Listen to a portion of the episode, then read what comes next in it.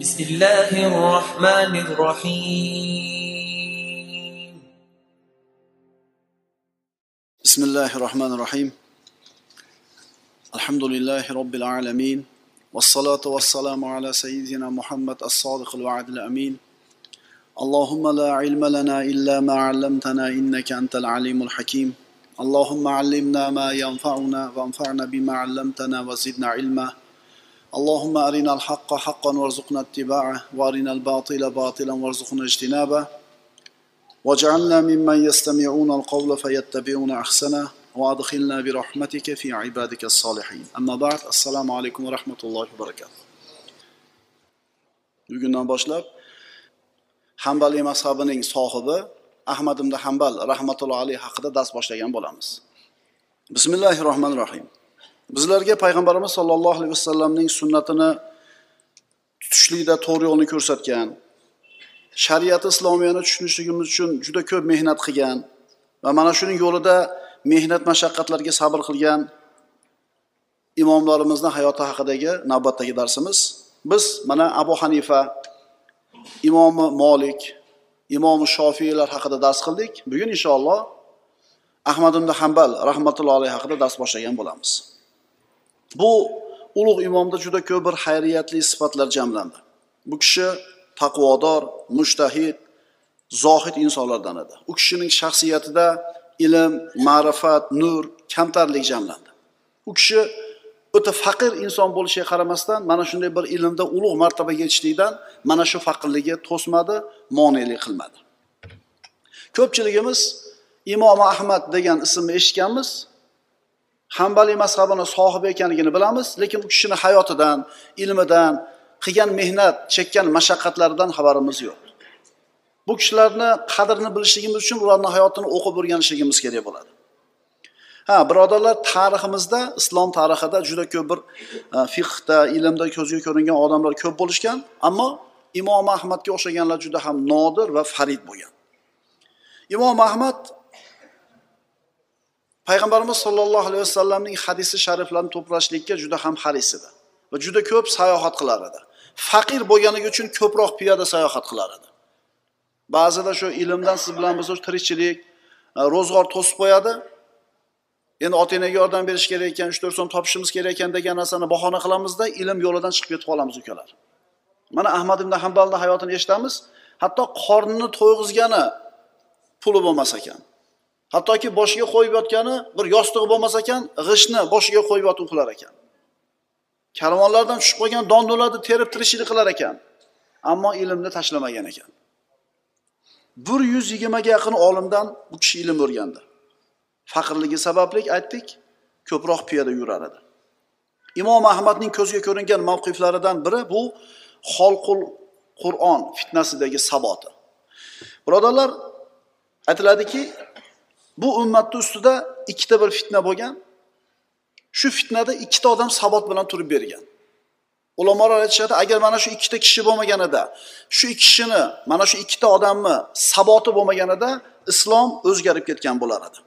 Birinchisi payg'ambarimiz sollallohu alayhi vasallam vafot etganlaridan keyingi ridda fitnasi. Bilasizlar rasululloh vafot etganlaridan keyin ana siyrat darslarimizda o'qib aytganmiz arablar dindan qaytishdi. Arabiston yarim orolini aksariyat qismi balki hammasi islomga keldi iymonga keldi rasulullohga tobe bo'ldi ammo u zot vafot etganlaridan keyin dindan qaytib ketishdi. Kimisi umuman islomni hammasini inkor qildi. Qaysidir qabila biz namoz o'qimaymiz dedi. Yana bir qaysidir qabila vakillari kelib biz zakot bermaymiz dedi. Xullas qaysi ko'rinishda bo'lmasin ridda bo'ldi. Ana shu riddada sabot bilan turib bergan kishi abu bakr siddiq roziyallohu anhu bo'ldi. Sahoba ikromlarni hammasi bir ovozdan abu bakr siddiqqa ana shu zakot bermayman deyayotgan yoki namoz o'qimayman deyayotgan qabilalarga qarshi urushmaylik degan fikrni taklif qilishdi. Faqatgina abu bakr siddiq sobit turdi hammasi bilan urushaman. Va mana shu turgan saboti dinni islomni saqlanib qolishiga sabab bo'ldi. Endi undan keyingi ikkinchi fitna bu xolqul qur'on fitnasi. Ya'ni inshaalloh bu darslarimiz mobaynida tafsilotlar bilan o'qib o'rganamiz. Qur'on ollohni kalomi deb e'tiqod qilamiz biz. Siz bilan biz qur'onni maxluq demaymiz. Ammo ana shu aqidadan adashgan firqalar mo'tazilalar chiqib xalifa al ma'munni o'zlarini fikriga moyil qilganlaridan keyin xalifa ma'mun odamlarni mana shu qur'onni maxluq deysan degan fikrga majbur qildi. Mana shunda imom ahmad ibn hambal sabot bilan turib berdi. Mehnat mashaqqatlarga qamalishlarga azoblanishlarga duchor bo'ldi. Lekin sof islomiy aqidani saqlanib qolishiga mana shu kishi sabab bo'ldi. Biz faqatgina odamlarga ilmni o'rgatgan odamlarga xutba qilgan ta'lim bergan odam haqida gapirayotganimiz yo'q. Biz sof islomiy aqidani saqlanib qolishiga xizmat ko'rsatgan ulug' imom haqida gapirmoqchimiz. Hijriy bir yuz oltmish to'rtinchi yilda robiyul avval oyida imom ahmad ibn hambal dunyoga keldi. U kishining to'liq ismi ahmad ibn muhammad ibn hambal ibn hilol ibn asad ibn idris ibn abdulloh. Bu bolani dunyoga kelishligi birodarlar ummatga alloh taoloni bergan katta bir inomi bo'ldi. Hadiyasi bo'ldi. Imom ahmad o'zini zamonidagi farid tengsiz olimlardan biriga aylandi. Mutamayyiz fikrida shijoatli malomatchini malomatdan qo'rqmaydigan zohid soyim qoyim har bir holatida alloh taolodan qo'rquvchi bo'lgan kishi. Jumhur ulamolarni jumhur tarixchilarni so'ziga ko'ra imom ahmad ibn hambal bag'dodda tug'ildi. Bag'dodda tug'ildi. Imom ahmad aytadi otam bilan bobomni ko'rmaganman deydi. Ya'ni imom ahmad bir dona farzand bo'lgan. Bu imom ahmad ana shu yosh bola paytida tug'ilgan paytida otasi uzoq bir yurtlarda vafot etib ketadi. Ba'zi rivoyatlarda uch yoshida vafot etdi deyiladi. Lekin ahmad ibn hambal ko'rmagan otasini asmoiy aytadi imom ahmadning otasi xuroson yerlarida musulmon qo'shinining amirlaridan biri edi deydi. Ya'ni jihodda yurib vafot etganligini aytilyapti mana. Imom ahmadni otasi bir mohir kuchli chavandozlardan bo'lgan edi. Qaranglarda imomi shofiy ham onasini qo'lida yolg'iz qolib ketdi. Imom ahmad ham onasini qo'lida yolg'iz qolib ketdi. Onalarni farzand tarbiyasida ummat tarbiyasida tutgan mavqifini qanchalar muhimligini ko'ringlar. Imom ahmad ibn hambalning bobosi hambal shaybon qabilasining ulug'laridan edi. Bu kishi imom ahmad o'zini bobosiga nisbat qilinadi. O'zini otasiga nisbat qilinsa ahmad ibn muhammad bo'lishi kerak. Lekin bobosi mashhurroq inson bo'lganligi uchun mana shu bobosiga nisbat qilinadi ahmad ibn hambal deyiladi. U kishi sarax shahrining va uning atrofidagi xuroson yerlarini voliysi bo'lgan edi shijoatli g'ayratli insonlardan edi. Mana shu bobosi hambal umaviylarni xalifaligini ag'darib abbosiylarni xalifaligini tikkalashligida xizmat qilgan kishilardan edi. Shayboniylar oilasi johiliyatda ham islomda ham hurmati bor qabilalardan edi. Mana abu bakr siddiq roziyallohu anhu xalifa bo'lib turgan paytda fors yerlarini fath qilishlikda ko'zga ko'ringan bir qo'mondonlardan chiqqan bu mana shu shayboniylardan musanno ibn xoris mana shu kishi ham shaybon urug'idan bo'lgan edi. Imom ahmadni yoshligida mana otasi o'lib ketgan deb aytdik. O'zini ikkita amakisiga u kishi yaqin edi. Abdulloh ibn hambal ishoq ibn hambal mana shu ishoq ibn hambal kichik amakisi ahmad ibn hambalga qo'shni edi. Mana asli arabiy bo'lgan yigit edi. Bu kishi arab bo'lgan asl arablardan bo'lgan ammo hech qachon o'zini arabligini aytib faxrlanmagan kekkaymagan imom ahmad ibn hambalni eng yaqin do'stlaridan mana ilmli kishilardan bo'lgan bu kishi yahyo ibn mayin aytadi biron marta o'zini arab ekanligini aytib faxrlanmagan maqtanmagan. Eng yaxshi insonlardan deb aytadi. Imom ahmad ibn hambal bitta narsaga e'tibor beringlar birodarlar. Bu odam boy bo'lmagan. Otasi falon mansabdagi odam bo'lmagan. Faloncha gektar yeri bo'lmagan. Ammo bular yashab o'tganiga bir yarim ming yilga yaqin vaqt bo'lib qoldi ismini aytganda rahmatulloh alayh deyapmiz. Nima bilan bular qalbimizdan joy oldi? Nima nima bilan ular tarixdan shunday nom qoldirdi? Nima bilan? Ukalar aytinglarda puli bilanmi? A siz bilan biz o'lib tolib ishlab kecha kunduz ishlab pul topaylik biz pulimiz bilan nom qoldira olmaymiz. Biz ilm o'qishimiz kerak. Sizlardan ilm iymon berilgan va ilm ato etilganlarda olloh darajasini ko'taradi dedi.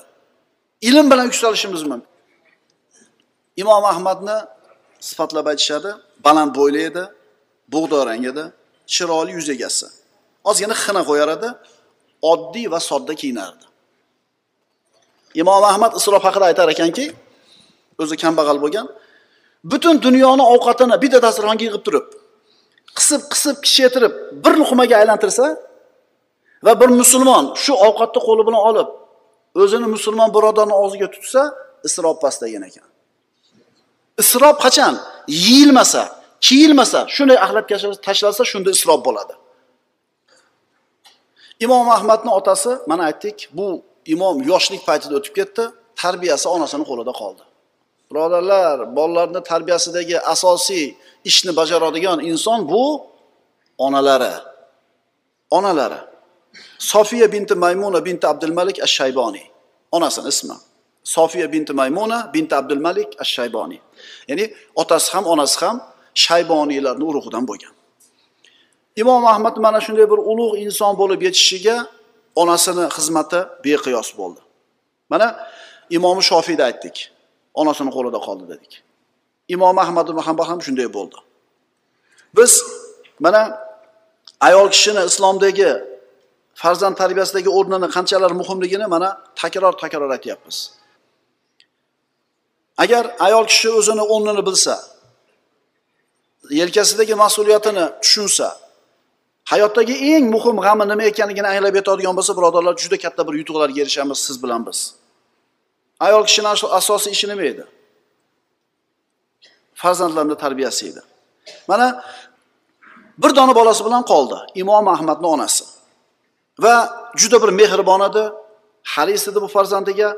Bu farzandini mana katta bo'lib qolgandan keyin ham juda bir ehtiyot qilar edi g'amini qilar edi. Hatto ba'zida masjidga ozon aytishdan burun chiqib ketaman desa shu to'nini ushlab turib olar ekan. To'xta chiqmaysan. Ozon aytsin hech bo'lmasa. Sal kun yorishsin keyin chiqasan der ekan. Bir dona bolasi bir dona bolasi. U davrlarda mana daryoda suv toshgan bo'lsa suv toshishligi odamlarni to'xtatib qo'ymagan tirikchiligidan chiqib bir yo'lini qilib kechib o'tib tirikchiligini qilavergan. Ammo imom ahmadni onasi man qilib qo'ygan edi. Bir marta ana shu dengiz daryoda suv toshib odamlar ketishga o'tayotganda chekkaga chiqib turib oladi. Yurmaysizmi desa onam bunga rozi bo'lmaydi deydi. Ya'ni katta bo'lib qolgandan keyin ham bolam daryodan kechib o'tsa men rozi emasman deb qo'yadi toshgan paytida. Bolasini bunchalar bir g'amini qilib qayg'urganiga yarasha birodarlar bir yo'li po'palab hech kimga tegizdirmasdan hech narsa qildirmasdan haligi tambal qilib qo'ymagan ekan bolasini. Xulqiga haris bo'ldi onasi ilmiga odobiga haris bo'ldi. Ilm yo'liga yo'llab qo'ydi bolasini. Ilm yo'liga yo'lladi. Imom ahmad ertalab darslarga borardida maktabidan ta'lim olib unga qanoatlanmasdan e, devonga borib shu yerda ham aralashib yurar edi. Imom ahmad aytadi o'n to'rtga kirgan bola ekanman maktabga ham borardim devonga ham aralashib turar edim. Horin rashid mana shu davrdagi xalifa juda ko'p safar qilardi g'azotlarga chiqaradi u bilan birga qo'shini ham yurar edi. Qo'shin qayerda to'xtasa e, shu askarlar o'tirib uyga xat yozardi endi hammasi ham yozishni bilmaydi. Shunda bir o'qishni yozishni biladigan yosh bolada chaqirishar edi xat yozib berishardi ularga. Endi imom ahmad yashaydigan joyga to'xtasa qo'shin imom ahmad ham chiqar edi yozib berar edida ana shu askarda aytgan hamma gapini yozmas edi. U gapirar ekan ahmad ibn habal o'zi ma'qul ko'rganlarni yozar ekan.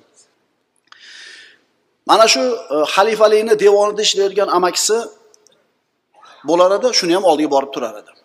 Mana shu bag'dodni voliysi safarga chiqib ketganda imom ahmadni amakisi bag'dodda bo'layotgan ishlarni xabarni yozib jo'natib turar edi.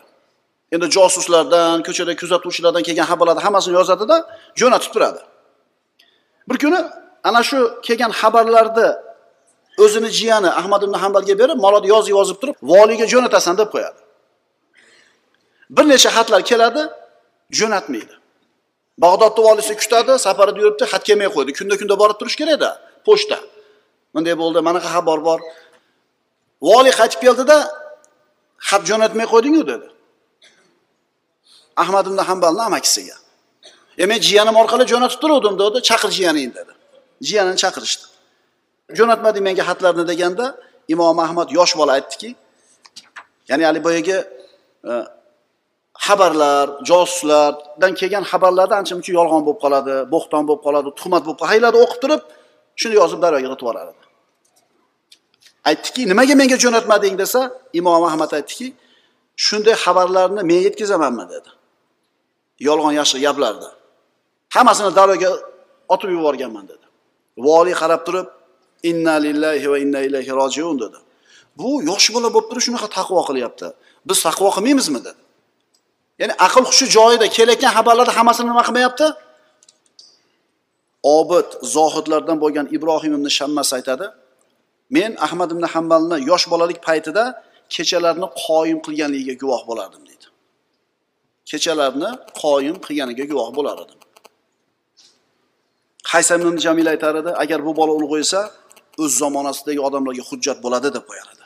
Demak onalar farzandlarini mana shunday bir salohiyatli bo'lib yetishishiga xizmat qilishlari kerak. Ularni yelkasidagi mas'uliyatlari juda yam katta. Aziz farzandlarimizni birodarlar umri televizorni oldida kompyuterni oldida yoki telefonni oldida o'tib ketyapti. Shu narsaga bir e'tibor qilaylik. Imom ahmad ibn hambal onasi bilan yolg'iz qoldi. Bir dona bola tul xotin bilan. Tirishligi qiyin edi. Onasi shu tikuvchilik bilan tirikchiligini zo'r o'tkazar edi. Imom ahmad ibn hambal yosh bolalik paytida faqirligi shu darajada ediki laqtul hab bilan shug'ullanar edi. Laqtul hab nima? Endi bag'dod o'sha paytdagi eng katta shaharlardan tijorat karvonlari keladi ketadi. Shu karvonlar to'xtaydigan joyga borib ularni qoplarini bir yirtig'idan yamog'idan tushib qolgan don dunlarni terib kelar edi. Shu bilan tirikchiligini o'tkazishar edi. Qaytarib aytaman. Faqirligi kambag'alligi ilmdan bu kishini nima qilmadi? To'sib qololmadi u kishini bir mashhur so'zi bor mayal mihbara ilal maqbara. Go'rgacha siyohdonim men bilan birga der edi. Go'rgacha siyohdon bilan der edi. Utlubul ilma minal mahdi ilal lahdi deganlar rasululloh sollallohu alayhi vasallam. Beshikdan qabrgacha nima qiling? Ilm izlang imom ahmad o'zi haqida aytadi birinchi bo'lib yozgan hadisni men abu yusuf rahmatullohi alayhdan yozganman. Abu yusuf bu abu hanifa rahmatullohi alayhni eng katta shogirdi eng katta shogirdi imomi abu yusufni majlisida o'tirar edi. Keyinchalik bu darsxonani ilmiy yo'nalishiga imom ahmad qanoatlanmay qoldi. Chunki e, abu hanifani va abu yusufni majlislarida asosan munoqasha mujodala manhaj bo'lar edi. Faqat nasni o'zi bilan kifoyalanishmas edi. O'zini fikrini aytish ra'yini aytishlik bor edi. Nas faqat oyat va hadis. Shuning uchun keyinchalik e, bunga qanoatlanmay qoldi.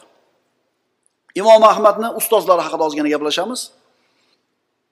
Abu yusufni darsxonasidan chiqqanidan keyin hushayn rahmatullohi alayhni ilm majlisiga bordi. Imom ahmad yana ulug' hofizlardan abu bakr ibn ayyoshdan ta'lim oldi. Bomdod namozidan keyinla dars aytardi bu ustozi. Shuning uchun ertaroq borish kerak bomdodga birinchi safda o'tirish kerak domlaga yaqin bo'lishligi uchun.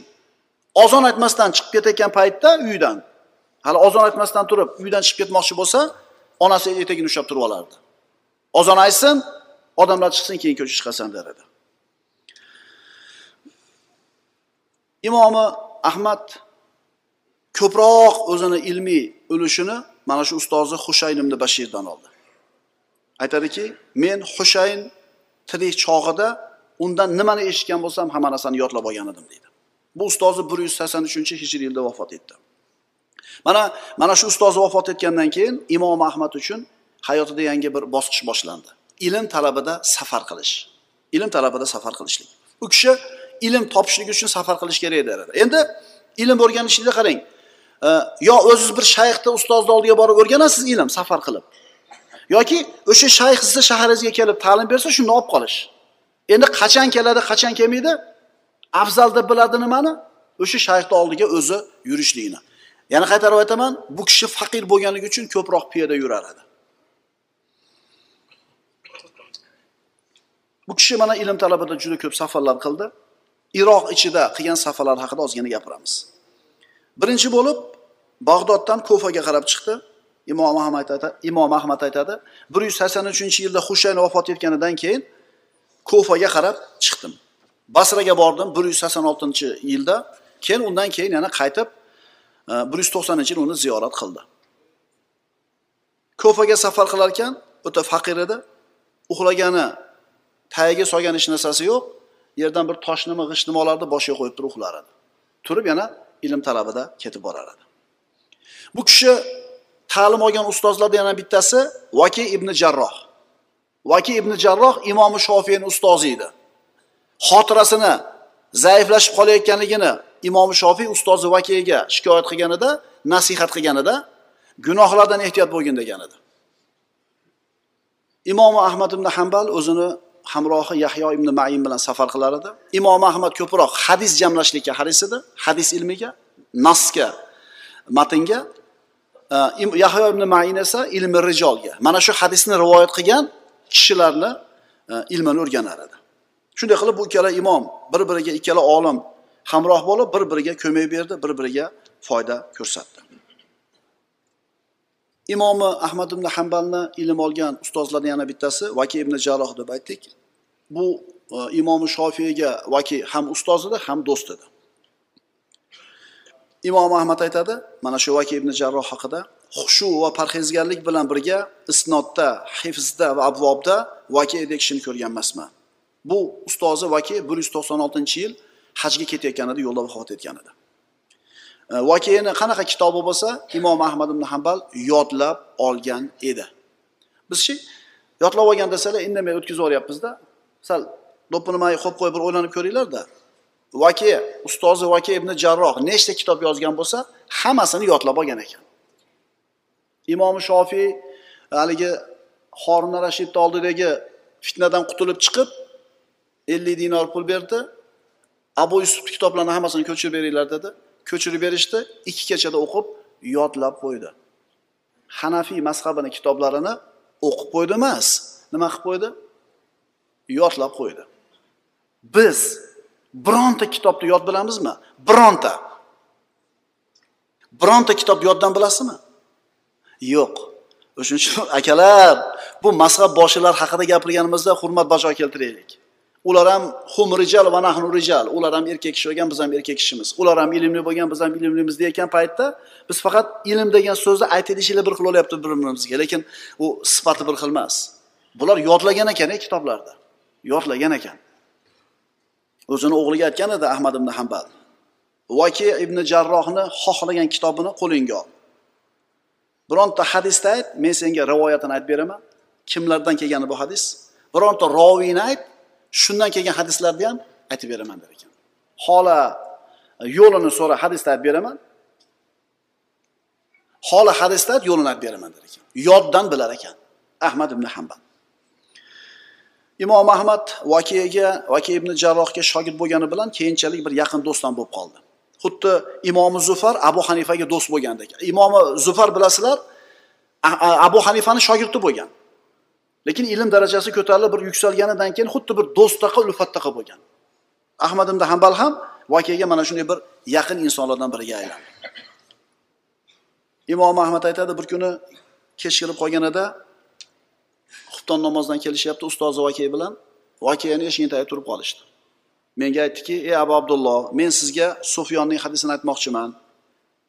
Men ayting dedim. Sufyonni maslama ibn kafildan rivoyat qilgan falon hadisni yodlaganmisiz? dedi. Ha dedim aytib berdim. Salamadan hadis aytib berasizmi? dedi. Men ha dedim aytib berdim. Imom vaki biron bir roviyni atini aytsa o'sha roviydan bitta hadisni aytib beraverdi. Ustozi vaki hayronligicha turib qoldi. Uzoq turib qolganligidan eshik tagida uzoq turishdi xuftondan keyin xizmatchi ayol chiqib turib e kech bo'lib ketdiyu kirmaysizlarmi uyga? dedi. Ya'ni ilmni hadisda aytib bas qilib mana shunday bir uzoq turishdi. Imom ahmad xufton namozidan qaytar ekan ustozi vakiy bilan mana shu bir ilmiy bahs ilmiy mulohaza qilib kelar ekan ilm majlislarida aytilmagan hadislarni vaki imom ahmadga aytib berar edi. gaplashib bo'lib kirib ketganidan keyin ustozi vaki qolgan talabalar yugurib kelar ekan imom ahmadni orqasidan senga aytib bergan hadisni bizga ham aytib ber yozib olaylik chunki bunaqa bir xos o'tirishlarida aytadigan hadislarini umumiy majlislarda aytmas edi demak imom ahmad ibn hambalni vaki ibn jarrohni huzuridagi hurmati mana shunday baland edi أقول قولي هذا وأستغفر الله لي ولكم بسم الله الرحمن الرحيم الحمد لله رب العالمين والصلاة والسلام على سيدنا محمد الصادق الوعد الأمين. اللهم لا علم لنا إلا ما علمتنا إنك أنت العليم الحكيم. اللهم علمنا ما ينفعنا وانفعنا بما علمتنا وزدنا علما. اللهم أرنا الحق حقا وارزقنا اتباعه وأرنا الباطل باطلا وارزقنا اجتنابه. واجعلنا ممن يستمعون القول فيتبعون أحسنه. وأدخلنا برحمتك في عبادك الصالحين أما بعد السلام عليكم ورحمة الله وبركاته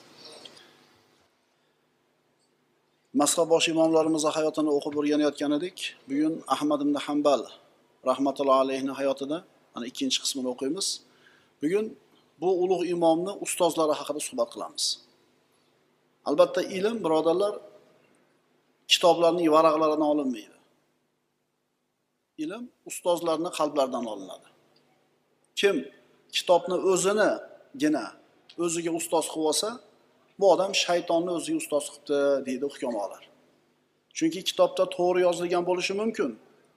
Ammo sizni fahmingizni kaltaligidan ilmingizni sayozligidan to'g'ri narsani o'qib noto'g'ri xulosa qilib olishingiz mumkin.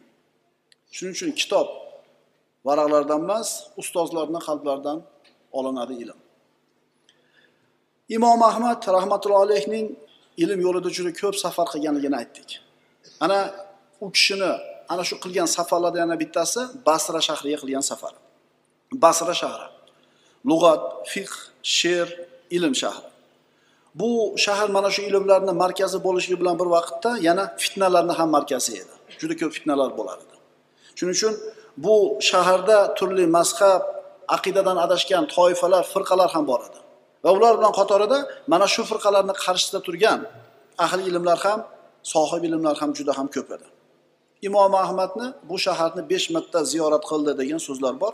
Bir kelganda bir olti oygacha shu yerda qolib ketar edi. Imom ahmad ibn hambal shayboniylar urug'idan edi. Basrada ana shu shayboniylar qurgan masjid mazin masjidi bor edi. Bu kishi juda ko'p kelib mana shu masjidni ziyoratida bo'lar edi. Sababini so'rashganida bu meni bobolarimning masjidi deb qo'yardi ya'ni faxrlanishlik faxrlanishlik. Mana shu basra shahrida imom ahmad musulmonlarning ulug' faqihlaridan muhaddislardan bo'lgan uchta olim bilan uchrashdi ulardan ilm o'rgandi. Bular ismoil ibn ulayya abdurahmon ibn mahdiy va yahyo ibn said. Imom ahmad mana shu ustozlari haqida aytadi alloh taolo menga imomi molik bilan uchrashlikni nasib qilmadi ammo uni o'rniga sufyon ibn uyaynani berdi. Hammod ibn zayd bilan uchrashlik nasib qilmadi ammo uni o'rniga menga olloh ismoil ibn ulayyani berdi dedi. Mana u kishining ustozlari. Yahyo ibn said al qatton bir yuz yigirmanchi yilda dunyoga kelib bir yuz to'qson sakkizinchi yilda shu yerda vafot etgan edi. Bu kishi bir qancha tobinlardan va kibor taba tobinlardan ilm o'rgangan edi. Ko'p aytyapmiz agarlar mazhabni bidiyat deyayotgan mazhabga kerak emas deyayotgan biz faqat uch asrda bo'lgan narsagagina ergashamiz deyayotgan birodarlar eshitib qo'yinglar. Bular ana shu uch asrni egalari. Mazhab sohiblari va ularni ustozlari mana shu uch asr egalari. Biz mana shu uch asrgagina ergashamiz deyayotganlar agar shuga davoyimiz rost bo'lsa mazhabni bekor demaslik kerak. Kim mazhab kerak emas desa va biz uch asrga ergashyapmiz deyotgan bo'lsa bu odam yolg'onchi ekan nima deyotganligini bilmayapti ekan bular. Yahyo ibn said shubaning yonida yigirma yil o'tirib ilm olgan edi. Yahyo ibn said o'z zamonasining kishilariga hujjat darajasidagi ilm egasi edi. Imom ahmad o'zini mana shu ustozini e, qadrlab aytadiki bunga o'xshagan ya'ni yahyo ibn saidga o'xshagan boshqa bir odamni ko'rgan emasman. Yana imom ahmad abdurahmon ibn mahdiy bilan uchrashib undan ilm olgan edi basrada. Undan avval abdurahmon ibn mahdiy bag'dodga kelib ta'lim berardi. Imom e, ahmad imom ahmad boshqa talabalar qatori kelib ana shu halqalarda dars olar edi. Bu kishi hadisda juda ham bir ilmlik bilimdon odam edi. Naim ibn muhammad ibn mahdiy so'radi. Abdurahmon ibn mahdiydan sahih hadisni sahih hadisni kasal hadisdan qanday qilib ajrata olasiz? deganida tabib sog' odamni kasal odamdan qanday ajratishi oson bo'lsa meni sahih hadisni ajratishi mana shunday oson deb javob bergan edi. Imom ahmadning keyingi ustozi bu kishi yazid ibn horun bu odam o'zini zamonasida hujjat edi. Mana inshaalloh imom ahmadni hayotida e, keyingi darslarda o'qiymiz. Xolqul qur'on fitnasi bo'lgan. Ana shu mo'tazilalar qur'onni ollohni kalomi emas balki maxluq degan fikrni olg'a surishar edi. Xalifa ma'mun ulardan ta'sirlanib qur'on maxluq degan shu aqidani tarqatmoqchi bo'ldi. Ammo mana shu biz aytayotgan yazid ibn horundan qo'rqdi. Aytardiki agar yazid ibn horun bo'lmaganida xolqul qur'onni odamlarga majbur qilib o'tkazardim deydi. U kishi tirik turganda bu fitna ko'tarilmadi. Ammo vafot etganidan keyin ma'mun mana shu rejasini amalga oshirdi. Odamlarni mana shu xolqul qur'onga majbur qildi. Juda ko'p ulamolarni azobladi qamadi hatto ayrimlarini qatl qildi. Demak imom ahmadni mana shu keyingi ustozi yazid ibn horun rahmatullohi alayhi yazid ibn horun bag'dodga kelib ilm aytganida imom ahmad kirib halqalarda dars eshitar edi keyin u kishini huzuriga borganda imom ahmadni hadis ilmidagi puxtaligini ko'rib turib bu ustozi yazid ibn horun alohida izzat ikrom ko'rsatar edi o'zini yoniga kelib o'tkazar edi yoniga o'tkazar va hazillashmas edi jiddiy o'tirar edi hurmatini joyiga qo'yar edi. Imom ahmad rahmatullohi alayhi faqir odam deb aytdik. Bu kishi hech kimdan bir yordam olmas edi. Hatto o'zini eng yaqin odamlardan mana shu ustozi yazid ibn horun o'zini talabalariga o'zini molidan infoq ehson qilib tarqatar edi. Ular qatorida ahmad ibn hambalga ham besh yuz dinorni berdi. Ammo imom ahmad bu molni olmadi. Birovdan yordam olmaslik u kishini manhaji dasturi edi. Imom ahmad iroqda olayotgan ilmini takrorlanayotganligini his qildida safar qilishlikni qasd qildi. Makkaga qarab chiqdi. Makkadagi ulamolardan ilm olishlik uchun. Makkaga qarab chiqdi. Bu safar orqali imom ahmad ya'ni haj qilishligi mumkin. Yani makkaga borgan ekan haj qiladi va mana shu yerdagi makkadagi ulamolardan ilm olishlikka ham fursat edi. Imom ahmad aytadi o'zi haqida besh marta haj qildim. Ulardan uchtasini piyoda yurib qildim hajni. Uchta hajni piyoda yurib qildim. Shularni hammasida o'ttiz dirhamni sarfladim. Faqatgina bu degani qorniga pul sarfladi degani. Ulov minmagan ekan ishni nima qilmagan ekan hammolni yollamagan ekan faqat qorniga sarflab borib kelgan ekan. Imom ahmadning faqirligiga dalolat qiladigan bitta qissaga xulosa olamiz bu qissani bizga ali ibn jahm hikoya qiladi. U kishi aytadi bag'dodda bizni bir qo'shnimiz bor edi. Bir kun u bizga maktub chiqarib mana bu xatni taniysizlarmi dedi. Ali ibn jahmga qo'shnisi bir xatni chiqardi. Kishi qarab turib haligi yozilgan yozuvga qarab turib tanidi. E, bu imom ahmadni xati dedik. U kishi aytdi ha makkada sufyon ibn uyananing majlisida edik. Mana shu kishi imom ahmad bilan makkada sufyon ibn uyaynani ilm majlisiga ilm o'rgangani borgan edi. Bir necha kun imom ahmad yo'q bo'lib qoldi ko'rinmay qoldi. U kishi makkada to'xtagan hovliga boruvdik falon hujrada deb aytishdi. Borib eshikni taqillatdik eshik qulib ekan eshik ochildi imom ahmad ustiga bir matohni beliga bir matohni o'rab xuddi ehrom o'ragandek holatga kelib olgan edi. E abu abdulloh nimaga chiqmay qo'ydingiz darsga? Nimaga majlisda yo'q bo'lib qoldingiz? deganida kiyimlarimni o'g'irlab ketishibdi dedi. E, yuvingani kelib ketayotib kiyimini yechib qo'ysa chiqsa kiyimini o'g'irlab qo'yishibdi. Bir qator kiyim. Endi kiyim yo'qligidan o'sha qaysidir matohni olganda ikkiga bo'lib turib bittasini yelkasini o'ragan bittasi bilan belini o'ragan. Shunda endi qarang musofir yurtda puli yo'q. Ko'chaga chiqishlik imkoniyati yo'q. Ali ibn jahm aytadi imom ahmadga bir dinor uzatildi. Xabar olib borgan odamlar uzatishdi. Xohlang qarz qatorida oling xohlang hadya qatorida oling. Uni ham buni ham olishga ko'nmadi. Izzat nafsi baland bo'lgan unaqa tama qilmagan hatto tama qilmasdan shunday bersa ham olmagan. Shunda ziyorat qilganlardan biri aytadiki ey abu abdulloh unday bo'lsa dedi unday bo'lsa men bitta kitobni nusxa qilib ko'chirmoqchi edim. Shuni nusxasini ko'chirib bersangiz xizmat haqini beraman dedi. Ya'ni pul berishni yo'lini qilyaptida. Siyoh bilan qog'ozni olib kelib berishdi. Bir dinorni uzatuvdi imom ahmad olmadi.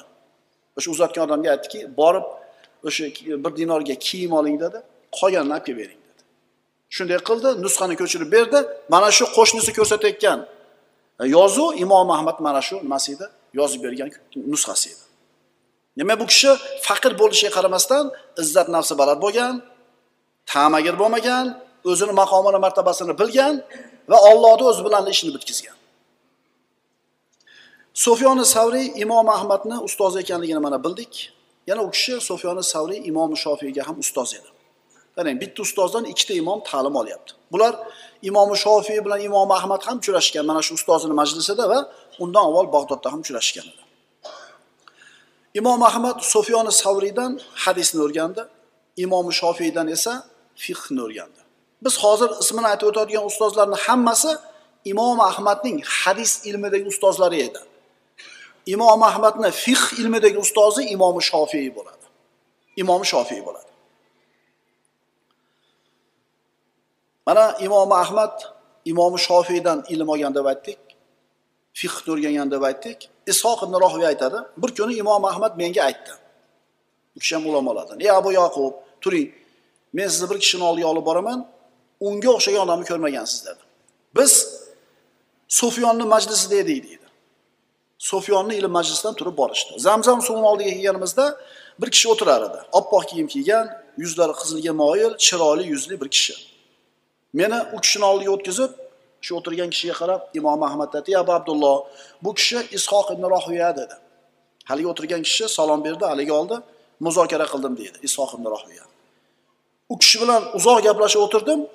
Undan men yodlab qolishga ojiz bo'ladigan ilm zohir bo'ldi. Suhbatimiz cho'zilib ketdi. Keyin men Imom Ahmadga: "Ey Abu Abdulloh, haligi aytgan odamingizni oldiga olib bormaysizmi meni?" dedi.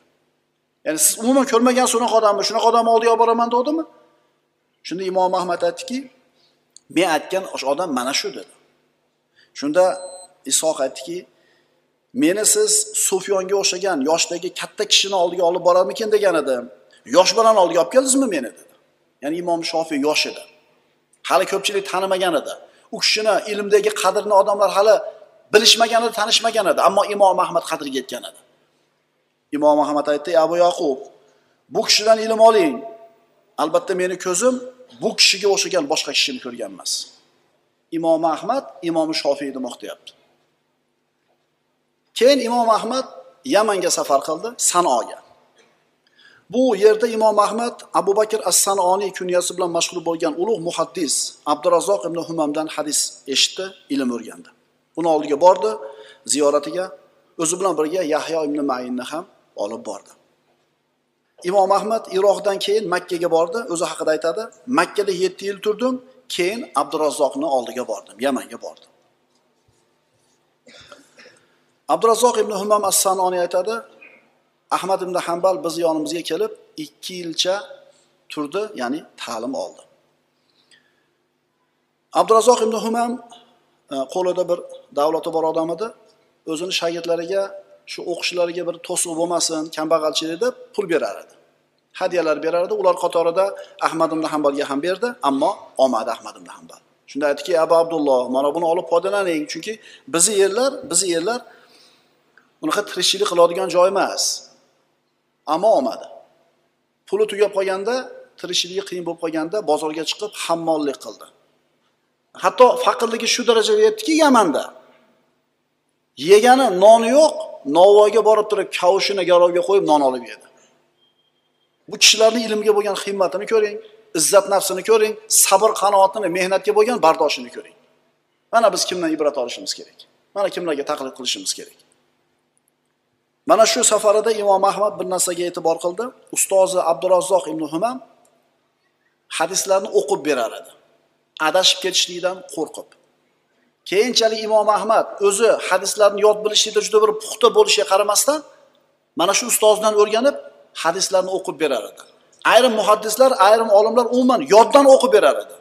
Ammo bu kishi ehtiyot bo'ldi, xotirasi zo'r bo'lsa ham nima qilib berdi? O'qib berdi. Keyin Imom Ahmad Yamandan mana makkaga qaytib keldi. Haj umra qilishlik uchun bu vaqtda sufyoni as-Savriy vafot etgan edi. Imom Shofiy esa Misrga ketgan edi. Imom Ahmadning ilm talabida mana shunday uzoq safar qilganligiga mana guvoh bo'lyapmiz. Asosiy ilmiga sabab bo'lgan ustozlari 5 ta edi. Yazid ibn horun Hushaym, Ismoil ibn Ulayya, ibn Uyayna, Abdurazzoq as-Sanoni. Hushaym ibn Bashir. Bu kishini asli Buxorodan edi. Buxorodan edi. bu ustozidan uch ming varaqqa yaqin narsani imom ahmad yod oldi. Bir yuz to'rtinchi yilda iroqni vosis shahrida dunyoga keldi. Otalari buxorodan bo'lgan. Bu ustozidan qo'lida to'rt yarim yil u kishi ta'lim oldi. Hushaym ibn bashir makkaga kelib kibor toim tobiinlardan dars olgan zuhriy ibn dinor amosh yahyo ibn saidlardan. Keyingi ustozi yazid ibn horun mana aytdik xalifa ma'mun qur'on maxluq degan fitnani ko'tarishlikdan mana shu kishidan qo'rqqan edi yazid ibn horun aytardi yigirma besh mingta isnodni yoddan bilaman. Shomiylardan yigirma ming hadisni yodlaganman. Agar aytayotgan hadisimga o'zim amal qilmagan bo'lsam olloh meni tirik qo'ymasin dedi. Yigirma mingta hadisni yodlaganman shomiylardan yigirma besh ming isnod yoddan bilaman. Agar men o'zim aytgan hadisga amal qilmagan bo'lsam aytmaganman deyapti. Agar o'zim amal qilmasdan turib aytgan bo'lsam hadisda olloh meni meni tirik qo'ymasin deyapti. Ma'mun xalifa aytgan edi xalifa ma'mun yazid ibn horunni manzilati bo'lmaganida xolqul qur'onni zohir qilgan bo'lar edim dedi. Shu gapni eshitib turib xalifani majlisida o'tirgan bir kishi aytdi ha bu yazid ibn horun kim bo'libdi? Siz xalifasiz u deganida senga voy bo'lsin. Men uni o'zidan qo'rqmayman dedi xalifa. Agar men bu narsani ko'tarsam qur'onni maxluq deb e'tiqod qilasan ham men deb aytsam yazid ibn horunga qarshi bo'lsa odamlar menga emas yazidga ergashadi shunda boyagi kishi aytdi unda ruxsat bering men borib bir sinab kelaychi nima der ekan sizni bu fikringizga? dedi. Bor dedi. Yazid ibn horunni oldiga boyagi kishi keldida aytdiki ey abu xolid amirul mo'minin sizga salom yubordi. Keyin albatta men qur'onni maxluq ekanini e'lon qilmoqchiman dedi dedi.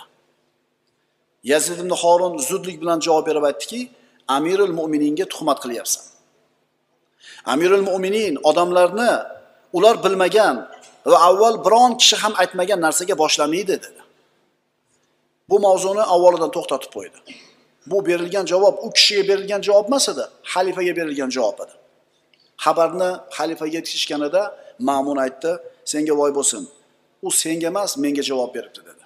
Haqiqatdan yazid ibn horun ikki yuz oltinchi yilda vafot etganidan keyin bir necha yil o'tib xalifa ma'mun shu fitnani ko'tardi. Qarang bu kishini hurmati haybati salobati shunday bir barat ediki musulmonlar orasida xalifa o'ylanib ish qilyapti. Imom ahmadning ustozlaridan mana keyingisi ismoil ibn ulayya. Bu kishi basralik bo'lgan. Bu kishi imom shofiyga ham ustozlik qilgan. Bu kishi hadis ilmida shunday bir peshqadam kishi ediki? Hatib al bag'dodiy aytadi basra va ko'faning hofizlari bir joyda to'planib qolishdi. Hadis ilmini e, egalari hadisning hofizlari. To'planib qolib ko'fa hofizlari basraliklarga ismoil ibn ulayyani oranglardan chiqarib yuboringlar. Keyin sizlar bilan musobaqalashamiz keyin sizlar bilan baslashamiz dedi ya'ni ismoil ibn ulayya sizlar bilan tursa uni hojati yo'q. Mana shunday bir hadis ilmida shunday bilimli kishi edi. Abu dovud aytadi muhaddis borki hadis rivoyat qilgan muhaddis borki xatoga yo'l qo'ygan. Faqatgina ismoil ibn ulayya va bishr ibn mufazzillar xato qilmagan. Mana shunday ustozlarni qo'lida imom ahmad ta'lim oldi. Ismoil ibn ulayya o'zini ilmga bag'ishladi. U kishi obid qur'onni ko'p tilovat qiladigan viqorli haybatli inson edi. Haybatli inson edi. O'zini tamomiy ilmga bag'ishlashligi bitta bir voqea sabab bo'lgan edi. Ibn muborak abdulloh ibn muborak ulug' tobiinlardan bo'lgan. Bu kishi savdogarlik bilan shug'ullanardi. Ibn muborak aytardiki agar beshta odam bo'lmaganida men tijorat bilan savdogarlik bilan shug'ullanmas edim. Ya'ni shularni deb tijorat bilan shug'ullanaman der edi ular kimlar? Sufyon savriy sufyon ibn uyayna fuzayl ibn iyos muhammad ibn samoa va ibn ulayya. Bu ibn muborak tijorat qilib topgan pulidan mana shu beshta odamga yuborib turar edi. Chunki bular agar tijoratga kirishsa tirikchilik ko'chasiga kirsa ilmdan qolib ketar edi. Shuning uchun bu kishilarni moddiy tomondan ta'minlashga harakat qilardiki ilm yo'lidan chiqib ketmasin. Ammo bir voqea bo'ldi ismoil ibn ulayya bilan abdulloh ibn muborak o'rtasida. Ibn muborak o'rtasida. Kunlarni birida ismoil ibn ulayya davlatni bir mansabiga o'tirdi. Qozilik va ana shu kambag'al bechoralarga keladigan pullarni taqsim qilishlik mansabiga ibn ulayaga endi ibn muborak pul jo'natmay qo'ydi. Hadyalar kelmay qo'ydi. Shunda e, ibn muborakka maktub yozdi. Nima bo'ldi? Nimaga menga bir hadya jo'natib turardingiz kelmay qo'ydi? Nimaga mendan bir uzoq bo'lib qoldingiz? Ibn muborakka maktub yetib kelgach qog'oz bilan siyohni olib kelishni buyurdi maktubni yozdi. Unda ilmni qo'yib mansabga o'tirgani faqirlarni moli ustiga kelganini hadislarni rivoyat qilish o'rniga mansabdor bo'lib olganini ma'lumot qildi. Endi albatta u mansabda o'tirgandan keyin birorta bir noto'g'ri hukm chiqarib qo'yishi mumkin. Mol ustida o'tirganidan keyin nojo'ya bir molga qo'li tegib qolishligi mumkin. Ya'ni ibn muborak sen mansabga o'tirding ya'ni harom bo'lib qolishi ehtimol ishlarga yaqin bo'lding deb turib boyagi e, hadyalarni bermay qo'ygan edi. Ismoil ibn ulayya ibn muborakni ibn muborakni nasihatini qabul qildi mansabdan ketdi. Chunki u kishi uchun ismoil ibn ulayya uchun ibn muborakni manzilati amirni manzilatidan ko'ra ulug'roq edi.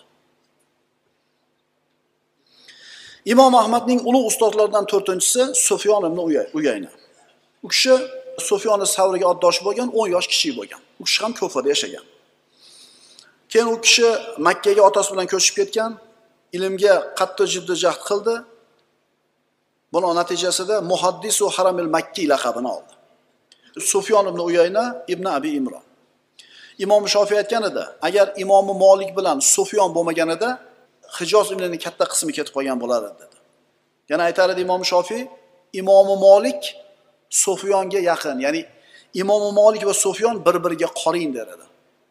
Sufyon imom molik bilan ilm darajasi shunday bir yaqin edi. Otasi uni ilmga shijoatlantirgan edi. Otasi uni olti yoshida o'zi bilan hajga olib borgan edi. Shunday qilib makkada qolganligi uchun yigirma yetti marta haj qilgan edi bu kishi. Yigirma yetti marta. Sufyon ibn uyayna saksontadan ko'ra ko'proq tobeinlarni ko'rgan edi. Qarang sufyon ibn uyayna saksontadan ko'proq tobeinni ko'rgan. Demak sufyon ibn uyayna taba tobein bo'ladi. U kishi ulkan hikmat ilm sohibi edi. U kishi aytar edi laysal alimul ladhi ya'riful khayra va shar yaxshilik bilan yomonlikni bilgan tanigan odam olim emas. Kim olim? Balki yaxshilikni bilib unga ergashgan yomonlikni bilib undan uzoqlashgan kishi olim. U kishining hikmatlaridan olimlar uch xil bo'ladi. Olim uch xil bo'ladi. Ollohni tanigan olim ollohni buyrug'ini tanigan olim ollohni o'zini va buyrug'ini tanigan olim. Ollohni tanigan olim kim? Ollohdan qo'rqqan ammo sunnatni bilmagan odam. Ollohni amrini tanigan olim sunnatni bilgan ammo ollohdan qo'rqmagan olim. Uchinchisi ollohni ham uni buyrug'ini ham tanigan olim kim? Bu sunnatni ham bilgan ollohdan ham qo'rqqan olim. U kishi aytar edi ilmning avvali uni tinglash keyin anglash keyin yodlash keyin amal qilish keyin tarqatish yana u kishi aytar edi g'iybat qarzdan yomonroq chunki qarzni uzsa bo'ladi g'iybatni uzib bo'lmaydi der edi. Imom ahmadning ulug' ustozlaridan beshinchisi abdurazzoq ibn humam ibn nofi al humayri as sanoniy imom zahabiy bu kishini sifatlab aytadi u ilm xazinasi edi deydi. Imom ahmad sanoda mana shu ustozini oldida ikki yil turdi. Shu vaqt ichida ustozi abdurazzoqdan ilm o'rgandi. Abdurazzoq o'n yetti ming hadisni yod bilar edi. O'zining hifzidagi puxtaligiga qaramasdan payg'ambarimiz sollallohu alayhi vasallamning hadislarini o'qib aytib berardi imom ahmadning ko'zga ko'ringan ustozlari shular edi ammo umumiy hisobini aytadigan bo'lsa bir yuz yigirmaga yaqin edi imom ahmadning ustozlari deyiladi. Vallohu alam bissavob bular bular biz ismini aytgan bari ustozlari imom ahmadni hadis ilmidagi ustozlari edi. Lekin fiqhdagi ustozi imomi shofiy rahmatullohi alayhi edi. Imom ahmad aytar edi agar sahih hadis bo'lmasa biror bir hujjat dalilga sahih hadis bo'lmasa bu haqida imomi shofiyning so'zi bordir. edi hadisi yo'qmi? Shu so'zga dalil imomi shofiyni so'zini hujjat qilib qo'yar edi. Ya'ni bu ustozga bo'lgan hurmati bu kishi ustozini ilmiga bo'lgan ishonchidan hasan zafaroniy aytadi qachon shofiyning yoniga borsam ahmad ibn hambalni uning yonida ekanini ko'rardim. Oramizda shofiyga o'zini ko'proq lozim tutgan imomi ahmad edi. Imom ahmadni so'zi? Agar bir masala haqida so'ralsam u haqida biron xabarni hadisni bilmasam bu narsa haqida shofiyning so'zini aytib qo'yar edim chunki u qurayshning olimi edi. Demak o'zini ustozlariga imomi ahmad ibn hambal mana shunday bir ehtirom bilan turar edi. Agar ilm olmoqchi bo'lgan ustozi o'zi bilan teng bo'lsa ham uni oldida bir shogirddek cho'ka tushib odob bilan o'tirar edi. Ana shu ustozlaridan birortasi siz imom bo'lib turib yerda o'tirasizmi? Yonimga kelib o'tiravering deganida men bilan ovora bo'lmang men bilan mashg'ul bo'lmang men ilm olyapman der edi. Demak imom ahmad ibn hambalni o'zini ustozlarga bo'lgan hurmati mana shunday edi. Siz bilan biz mana shu narsani ham ta'lim olishimiz kerak. Alloh subhanava taolo bu kishilarni hayotini o'qib o'rganib ulardan o'zimizga andoza ibrat olishlikni nasib etgan bo'lsin aqulu qavli hada va astag'firulloh li va lakum bismillahi rohmanir rohim alhamdulillahi robbil alamin والصلاة والسلام على سيدنا محمد الصادق الوعد الأمين اللهم لا علم لنا إلا ما علمتنا إنك أنت العليم الحكيم اللهم علمنا ما ينفعنا وانفعنا بما علمتنا وزدنا علما اللهم أرنا الحق حقا وارزقنا اتباعه وأرنا الباطل باطلا وارزقنا اجتنابه واجعلنا ممن يستمعون القول فيتبعون أحسنه وأدخلنا برحمتك في عبادك الصالحين أما بعد السلام عليكم ورحمة الله وبركاته بسم الله الرحمن الرحيم mazhab boshi imomlarimizni hayotini o'qishdagi navbatdagi darsimiz imom ahmad ibn hambal rahmatullohi alayh bugun uchinchi darsimiz imom ahmad ulamolar orasidagi bir nodir makonat martabaga yetishdi. Imom ahmadning o'g'li abdulloh aytadi bir kuni abu zura dedi sizni otangiz ya'ni imom ahmad ibn hambal millionta hadis yodlagan dedi. Siz buni qayerdan bilasiz? deb so'rasam otangiz bilan munozara muzokara qilib shuni bilganman dedi. Albatta endi payg'ambarimiz sollallohu alayhi vasallamni u hadislari u millionta emas. Buncha adadga bormaydi ammo takrorlangan hadislar asarlar tobiinlarni fatvolari sahobalarni tafsirlarini qo'shadigan bo'lsak o'shunchaga borib qolsa kerak. Vallohu alam. Imom shofiy mana u kishini shogirdi har aytadi. Shofiyni bag'doddan chiqib ketayotganda shunday gapirganini eshitganman. Imom shofiy aytgan edi bag'doddan chiqib ketyapti bag'dodni tark qilib chiqar ekanman u yerda imom ahmaddan ko'ra ilmliroq taqvoliroq va afzalroq kishini qoldirmaganman. Kimni guvohligi bu? Ana shu to'rala mazhabning imomlardan bittasi imom shofiyning imom ahmad ibn hambalga bergan bahosi. Imom ahmad boshqa imomlardan bir farqli bir ishi bor edi. U kishi qirq yoshga kirgandan keyin fatvo aytishni boshlagan edi. Mana imomi moligini o'n oltiga kirganda masjidda o'tirib fatvo aytganligini avvalgi darslarimizda aytganmiz. Lekin imom ahmad qirq yoshiga kirganda fatvo aytdi. Sababini so'rashganda rasululloh sollallohu alayhi vasallam qirq yoshga kirgandan keyin u zotga vahiy yuborilgan edi deb javob bergan edi. Bag'dodda mana masjidul kabirda o'tirib hadis aytishni boshladi. U kishi mana shu hadislarni yoddan bilishlikda puxtaligiga qaramasdan yoddan aytmasida o'qib berar edi. Ustozidan ustozlardan biri mana shunday qilar edi. Adashib ketishlikdan e, xavotir olganligi sababli.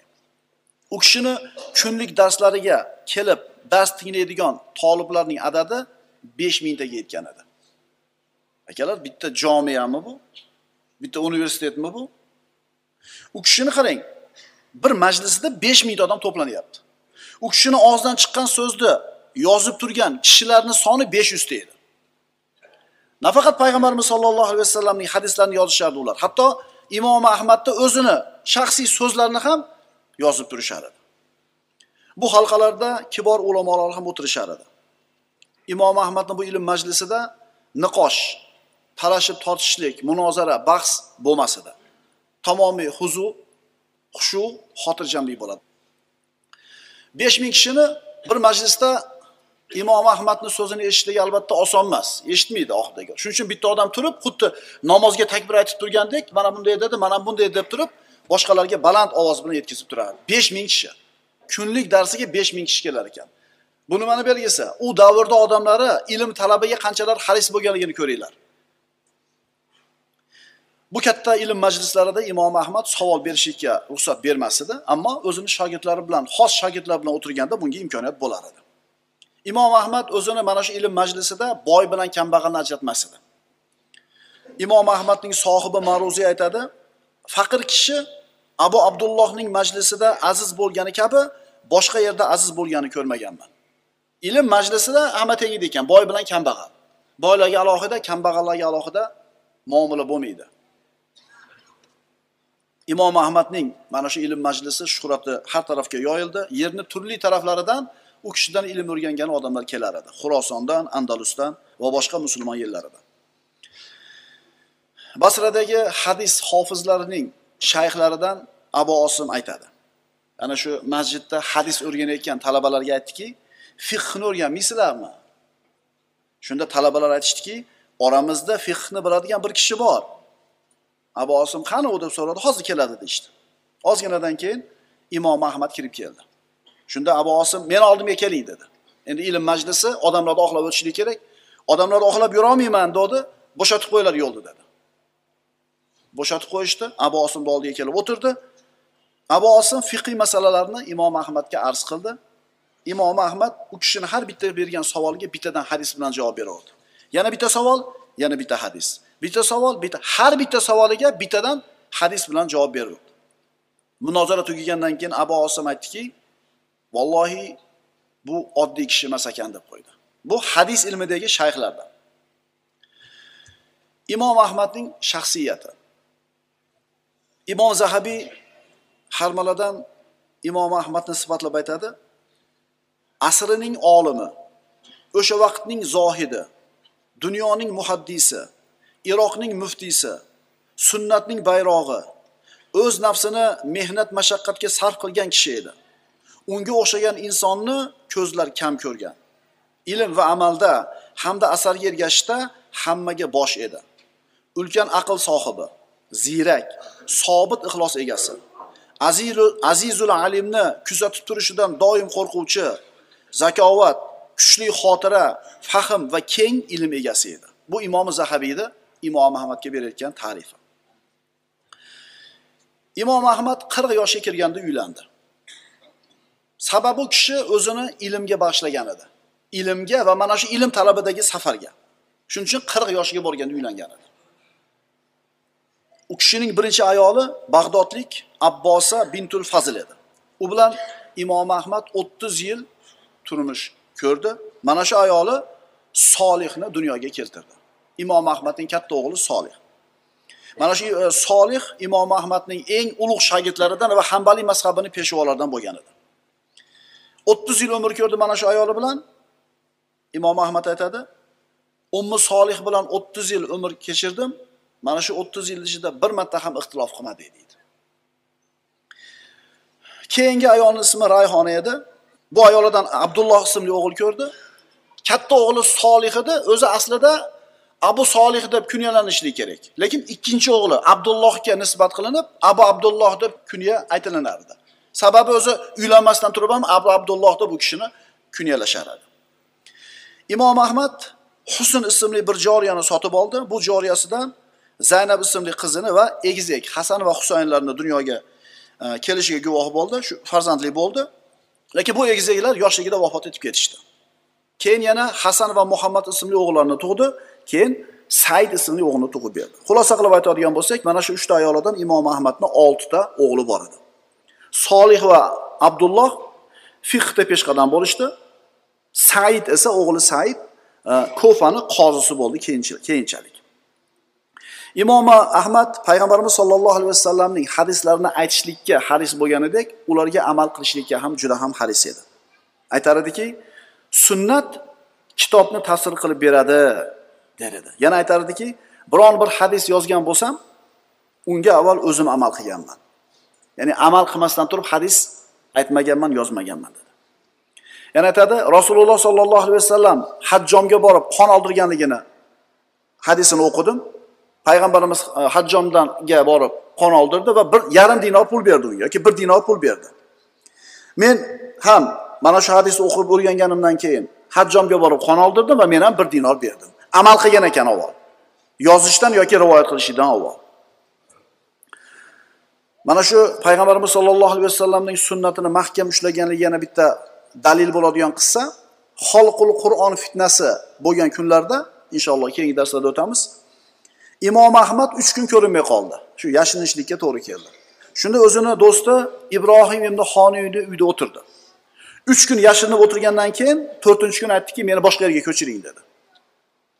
Do'sti ibrohim aytdi meni uyim sizga bir xotirjam. Tashqariga sizni birov ko'rib qolishi mumkin o'tiravering deganida meni boshqa yerga ko'chiring dedi. Agar shunday qilsa sizga bir foyda beraman dedi. Haqiqatdan do'sti ibrohim imom ahmadni boshqa yerga olib bordi. Shu yerga o'tirib kelib joylashganidan keyin haligi foyda nima foyda edi deb so'radi. Rasululloh sollallohu alayhi vasallam savr g'orida uch kun yashirindilar. Keyin undan chiqqandilar. Men ham uch kun shu yerda yashirinib o'tirindim. Sunnatga muvofiq tashqariga chiqishim kerak edi uch kundan keyin dedi. Rasulullohni sunnatiga rohatli kunlarimizda ergashib turib mashaqqatli kunlar kelganda ergashmay qo'yishimiz to'g'ri bo'lmaydi der edi qarang hatto shu ishida ham nima qilyapti?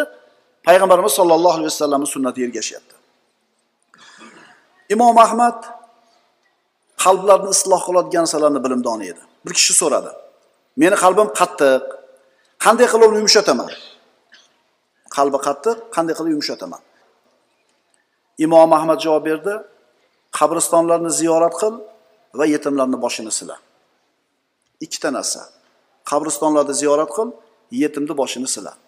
Mana o'tgan oyda mana bir oy zulqada o'tibdi. Shu ikkita ishni qaysinisini qildik? O'zimizdan so'raylikda.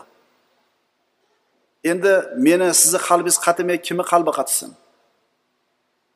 Bir oy qo'lingizni yuvmasangiz nima bo'ladi qo'lingiz? Bir oy yuvinmasangiz nima bo'ladi jasadingiz? Biz yuvinmasdan turib badanim kirib ketdi deyotgan odamlarga o'xshaymizda. Yetimni boshini siladikmi? Qabristonga bordikmi? Abu hafs amr ibn solih at tustari aytadi abu abdullohni yoniga bordim. Imom ahmadni olloh sizni rahmat qilsin. Qalblar nima bilan layyin bo'ladi? Nima bilan yumshoq bo'ladi? Qalblar nima bilan yumshaydi? Imom ahmad aytdi. O'ylanib turib javob berdi. Ey bolam qalblar halol luqmani yeyishi bilan yumshoq bo'ladi dedi. Qalblar halol luqma yeyishligi bilan yumshoq bo'ladi dedi. Endi teskarisini bir fikr qilib ko'raylik. Qalb qachon qotib ketar ekan? Harom luqmani ko'p yegan odamni qalbi qattiq bo'ladi. Qaranglarda hayotda. Yegani ichgani kiygani harom bo'lgan qalbida rahm shafqat bo'lmaydi. Nima uchun? Mana shu yegan haromi uni qalbini qatirib tashlar ekan. Bolalarimiz beshafqat bo'lsa ukalariga bolalarimiz bemehr bo'lsa ota onasiga hadeb ularni so'kib hadeb ularni ayblayvermasdan nima bilan boquvdik? Shunga ham bir qarab qo'yaylik. Qalbni nima qattirar ekan? Harom luqma abu hafs aytadi keyin bishrul xofiyni yoniga kelib shu narsani so'radim. Bishrul xofiy aytdi ogoh bo'ling qalblar ollohni zikri bilan xotirjam bo'ladi deb javob berdi. Bu kishi boshqacharoq javob berdi. Endi abu hafs aytadi men shu narsani abu abdullohdan so'rovdim dedi. Bishrul xofiy xursand bo'lib ketdi. Nima dedi imom ahmad? Abu hafs aytdi abu abdulloh qalblar halolni yeyishlik bilan yumshoq bo'ladi dedi. Dedim. Bishrul xofiy aytdi asl narsani aytibdi asl narsani aytibdi dedi. Akalar biz agar harom yesak luqmamiz harom bo'lsa yeyishimiz kiyishimiz harom bo'lib o'zimiz haromga o'ralib qolsak payg'ambarimiz aytganlar faanna yustajabulahu bunaqa odamni duosi qayerdan ham ijobat bo'lsin deydi. Biz luqmani halol qilaylikda amallarimiz qabul bo'ladi duolarimiz ijobat bo'ladi. Ehtimol bizni duolarimiz ijobat bo'lishligidan ayni mana shu luqma to'sayotgandir alhamdulillah akalar yigirma yilni u yog'i bilan bu yog'ini taqqoslasak o'zgarish juda katta bizni yurtlarimizda. To'g'rimi? Menga harom menga mumkin emas deb turib taqvo qilishni o'rgandik alhamdulillah. Haromdan taqvo qildik. Endi birodarlar mana shu shubhadan shubhali bo'lgan ishlardan ham taqvo qilishni o'rganaylik. Agar zurriyotlarimizdan yaxshi insonlarni chiqishini xohlasak. Imom ahmadni o'g'li solih rivoyat qiladi. Bu voqea ayni ana shu xolqul qur'on fitnasi kunlarida sodir bo'lgan edi. Imom ahmad kambag'al oilasi pulga juda ham muhtoj bo'lib turganida o'g'li solih aytadi otam asr namozini o'qish uchun chiqdi. Uning o'tiradigan eski bir ko'rpachasi bor edi. Uni ostida bir maktub turgan ekan. Unda shunday deyilgan edi. Ey abu abdulloh sizni ahvolingiz va qarzingiz haqida eshitdim. Kambag'al nochor qarzi bor. Falonchi orqali sizga to'rt ming dirham yubordim. Qarzingizni uzib oling va oilangizga kengchilik qilib bering. Bu mol meni otamdan qolgan meros. Sadaqa ham emas zakot ham emas dedi. So'ramayapti. Shunday bir musulmon birodari birodarini qiynalganini ko'rib turib shunday beryapti to'rt ming dirhamni. Solih otasini qo'lidagi xatni ko'rib so'radi. Nima ekan bu? Imom ahmad maktubga javob yozdida qo'liga berib falonchiga olib borib ber dedi nima deb yozgan edi menga maktubingiz yetib keldi. Biz ofiyatdamiz. Qarzga kelsak qarz egasi uni bizdan qattiq turib talab qilayotgan emas. Ya'ni qattiq talab qiladigan odam emas. Oilamiz esa ne'mat ichida. Alhamdulillah dedi. Maktubni olib borib berdi. Boyagi to'rt ming dirham deb bergan odam xatni o'qib turib aytdiki agar abu abdulloh imom ahmad bu molni qabul qilib daryoga tashlab yuborganida ham mayli edi menga savob bo'lib qolardi dedi. Chunki undan chiqdida undan chiqdida. Shu voqeaga bir yil o'tdi haqiqatdan imom ahmad qiylandi iqtisodiy tomondan. O'g'li solih aytdi ey ota dedi agar o'sha molni qabul qilsak shuncha qiylangan bo'lmas edik dedi. Imom ahmad agar uni qabul qilgan bo'lsak ham shu kungacha tugagan bo'lardi dedi. Iffatimizda turuvdik qiylandik lekin kunimiz o'taverdi. Agar tamagir bo'lganimizdan shu kunimiz o'tardi dedi isoq ibn muso al ansoriy aytadi xalifa ma'mun muhaddis olimlarga atab katta bir molni berdi. Hammaga taqsim qildim. Hamma muhaddislar oldi ammo imom ahmad olmadi dedi. Imom ahmad ko'p gapirmas edi odamlar odatda gapiradigan gaplarini. Ammo ilm majlisi bo'ladigan bo'lsa yomg'irdek bir serob bo'lib gapirar edi. Imom ahmad shuhratni mashhurlikni yaxshi ko'rmas edi aytardiki odamlar u kishini maqtaganligini ko'rib aytardiki buni shu maqtovni shuhratni istidroj bo'lishidan qo'rqaman der edi istidroj nima edi? Ko'tarib turib yerga chopish edi alloh taolo ko'tarib turib kofir fosiq bandani har qancha gunoh qilsa ham ko'tarib turib hayotini zo'r qilib turib oxirida bitta ko'tarib chopadi. Qancha ko'tarilsa shuncha qattiq tushadi yerga. Aytar ediki qaniydi makka daralarida qolib ketsam birov meni tanimasa tahqiq mashhurlik bilan balolandim. Ertayu kech o'limni orzu qilyapman. Agar odamlar meni eslamay qo'yishlariga biron yo'l topsam shu yo'lga qarab chiqib ketar edi imom shofiy nima degan edi? Qaniydi odamlar mendan o'rgangan ilmni menga nisbat qilishmasa? Imom shofiydan o'rgandim demasa ham mayli. Imomi ahmad mana shunga qaramasdan jamoatchi inson edi. Fursat bo'lib qolsa odamlarga aralashar edi. Ularni atrofidagi odamlarga yengillik qilar edi muloyim bo'lardi dag'allik qo'pollik qilmas edi. Imom ahmad isrofni yaxshi ko'rmas edi. Ana shu qilinayotgan biror bir marosim bo'lsa o'zi bir ehson qilib odamlarni chaqirib basron solsa o'g'illariga aytar edi avval taomni faqir bechoralarga qarindoshlarga keyin boylarga ber der edi. Chunki muhtoj odamlar nima qilsin birinchi bo'lib undan foydalansin. Imom ahmad faqir bo'lishiga qaramasdan saxovatli inson edi. Saxovatli inson edi. U kishi tirikchiligi nima edi? Nusxa ko'chirib beradi kitoblardan shunga xizmat haqi olar edi. Don dunlarni terib kelib tirikchiligini o'tkazardi yana otasidan qolgan uyiga yopishtirib qo'yilgan bir do'kon bor edi. Shundan ijara olar edi. Shu bilan tirikchilik o'tkazardi. Bir kuni imom ahmad mana saxovatli ekanligiga dalil. Ana shu do'konini oldida turar ekan qo'lidagi bir asbob daryoga tushib ketdi. Haligi imom ahmadni do'konida ijarada turgan kishi yurib keldida suvga tushib haligi asbobni chiqarib berdi. Imom ahmad shu qilgan xizmatini taqdirlaydi deb cho'ntagiga olib qo'lini yarim dinor pul chiqarib berdi. Haligi odam olmadi pulni. Bu yarim dinorga bo'yinaqa asbobdan beshta sotib olsa bo'lardi. Olmadi ya shunga ham pul olamanmi dedi. Imom sukut qildi. Oradan bir necha kun o'tgandan keyin imom ahmad boyagi do'konni ijaraga olgan kishiga keldida do'konda qanchaga olgandingiz ijaraga mendan dedi. Uch oyga olganman har oyga uch dirhamdan beraman dedi. Imom ahmad uyga keldi hisob daftarini oldida haligi kishini oldiga kelib turib o'chirib tashladi qarzini. Ya'ni mendan qarzingiz yo'q dedi. Kambag'al bo'lsa ham qanaqa edi? Saxovatpesh inson edi.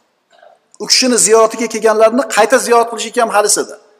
Hajga borib kelsa u kishini ziyoratiga kelganlarni o'g'illariga aytadi ismlarni yozib qo'y. Ismlarni yozib qo'y. Agar bular ham hajga borib kelsa men ham borib qo'yay dedi. Bordi keldi. Odamgarchilik.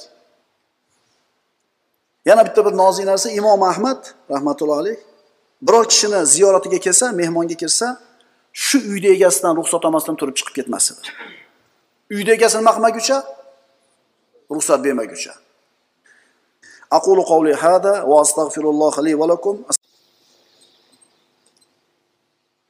bismillahi rohmanir rohim alhamdulillahi robbil alamin والصلاة والسلام على سيدنا محمد الصادق الوعد الأمين. اللهم لا علم لنا إلا ما علمتنا إنك أنت العليم الحكيم. اللهم علمنا ما ينفعنا وانفعنا بما علمتنا وزدنا علما. اللهم أرنا الحق حقا وارزقنا اتباعه وأرنا الباطل باطلا وارزقنا اجتنابه. واجعلنا ممن يستمعون القول فيتبعون أحسنه. وأدخلنا برحمتك في عبادك الصالحين. أما بعد السلام عليكم ورحمة الله وبركاته. Mazhabbosh imomlarimizni hayotini o'qishlikda navbatdagi darsimiz imom ahmad rahmatullohi alayhni hayotini o'qib o'rganayotgan edik. Bugun to'rtinchi dars. Imom ahmad rahmatullohi alayh bu ummatni eng ulug' imomlardan to'rtta imomidan bittasi. Imom ahmad mana aytdik avval biz hayotini o'qib o'rgangan uchta imom. Imom abu hanifa no'mon ibn sobit rahmatullohi alayh imom molik imom shofiy mana to'rtinchisi. Bu imomlarni hayotini o'qib o'rganar ekanmiz bularni hayotidagi turlilikni ko'ramiz. Dinga qarashlikdagi bularni o'rtasidagi farqni ko'ramiz. Imom molik va abu hanifa umar ibn sobit rahmatullohi alayhimlar mo'lkovchilikni serobchilikni yaxshi ko'rgan bo'lsa hayotda. Imom shofiy bilan imom ahmad ibn hambal e, nima deymiz? Tejamkorlikni mana shu bir faqirona hayotga erishishlikni o'zlariga loyiq deb bilgan ekan. Shundan ham bilsak bo'ladiki kimdir alloh taolo qo'liga rizqni keng bergan bo'lsa zakotini berib sadaqasini berib isrof qilmasdan mo'l ko'l yashashni xohlasa din unga bu narsani man qilmaydi. Endi kimdir mana shu bir zuhdni xohlaydigan bo'lsa hayotida bu uni ixtiyori. Imom ahmad rahmatullohi alayh o'zini faqir bo'lishiga qaramasdan uyiga kelgan mehmon mehmonini imkoni boricha ikrom qilar edi. Imom ahmad aytar edi ovqat uch xil o'rinda tanovul qilinadi. Birinchisi birodarlar bilan aka ukalar bilan yeyiladigan taom. Bu taom bemalolchilik bilan yeyiladi. Ikkinchisi faqirlar bilan yeyiladigan taom bu taom isor bilan yeyiladi. Ya'ni faqirlar bilan o'tirganidan keyin o'zidan ko'ra ko'proq ularga isor qilib ularga taqdim qilishlik bilan bo'ladi. Uchinchisi dunyo kishilari bilan yeyilsa ya'ni boy badavlat odamlar bilan yeyiladigan bo'lsa muruvvat bilan odob bilan yeyiladi. Imom ahmad yana aytar edi agar butun dunyoni taomi kichaytirilib kichaytirilib bir luqmaga olib kelinsa ya'ni bir luqmada butun dunyoda ovqati bo'lsa mana shu bir luqma ovqatni musulmon kishi olib o'zini musulmon birodarini og'ziga tutsa shu isrof past edi. Ya'ni imomi ahmadni nazdida isrof qachon isrof bo'lar edi? Qachon narsa isrof qilindi deyilardi yeyilmasa ishlatilmasa tashlab yuborilsa. Ammo mehmonga qo'yilgan hamma taom yeyilar ekan har qancha ko'p qo'yilmasin bu narsani u kishi isrof deb bilmas edi vaholanki o'zi nima edi? Faqir inson edi. Imom ahmad rahmatullohi alayhni odobi axloqi odamlar bilan qilayotgan muomalasi musulmonlarga ibrat edi. Imom ahmad ishoq ibn rohiya bilan muomalasi juda ham yaxshi edi. Ishoq ibn rohiya xurosonda yashar edi. Xol qur'on fitnasida imom ahmadga bir qattiq aziyatlar yetdi u kishi qutulganidan keyin mana shu aziyatlardan odamlar u kishini ziyoratiga har tarafdan kelishdi. Uni qutulganiga alloh taologa hamdlar aytishdi. Endi mana shu xurosonda yashaydigan birodari ishoq ibn rohiya ham imom ahmadni qutulganini eshitib bag'dodga kelishi ehtimoli bor edi. Shuning uchun shu birodarini ovora qilishni xohlamadida o'zi xurosonga chiqmoqchi bo'ldi. O'zi chiqib bordi. Imom ahmad o'g'li aytadi otam fitnadan qutulganidan keyin xurosonga bormoqchi bo'ldi. Ishoq ibn rohiyani bag'dodga kelishini istamadi.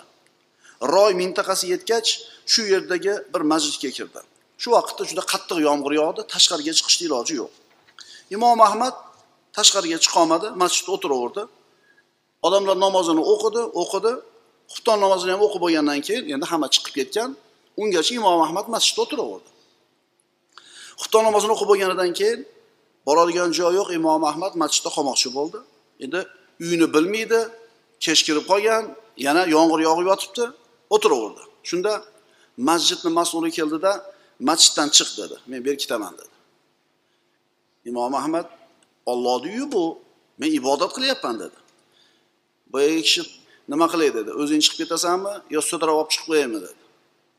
Shunda imom ahmadni aytadigan gap qomatida salomat bo'ling deb tashqariga chiqib ketdi. Tashqariga chiqdi yomg'ir yog'yapti qayerga borishini bilmaydi.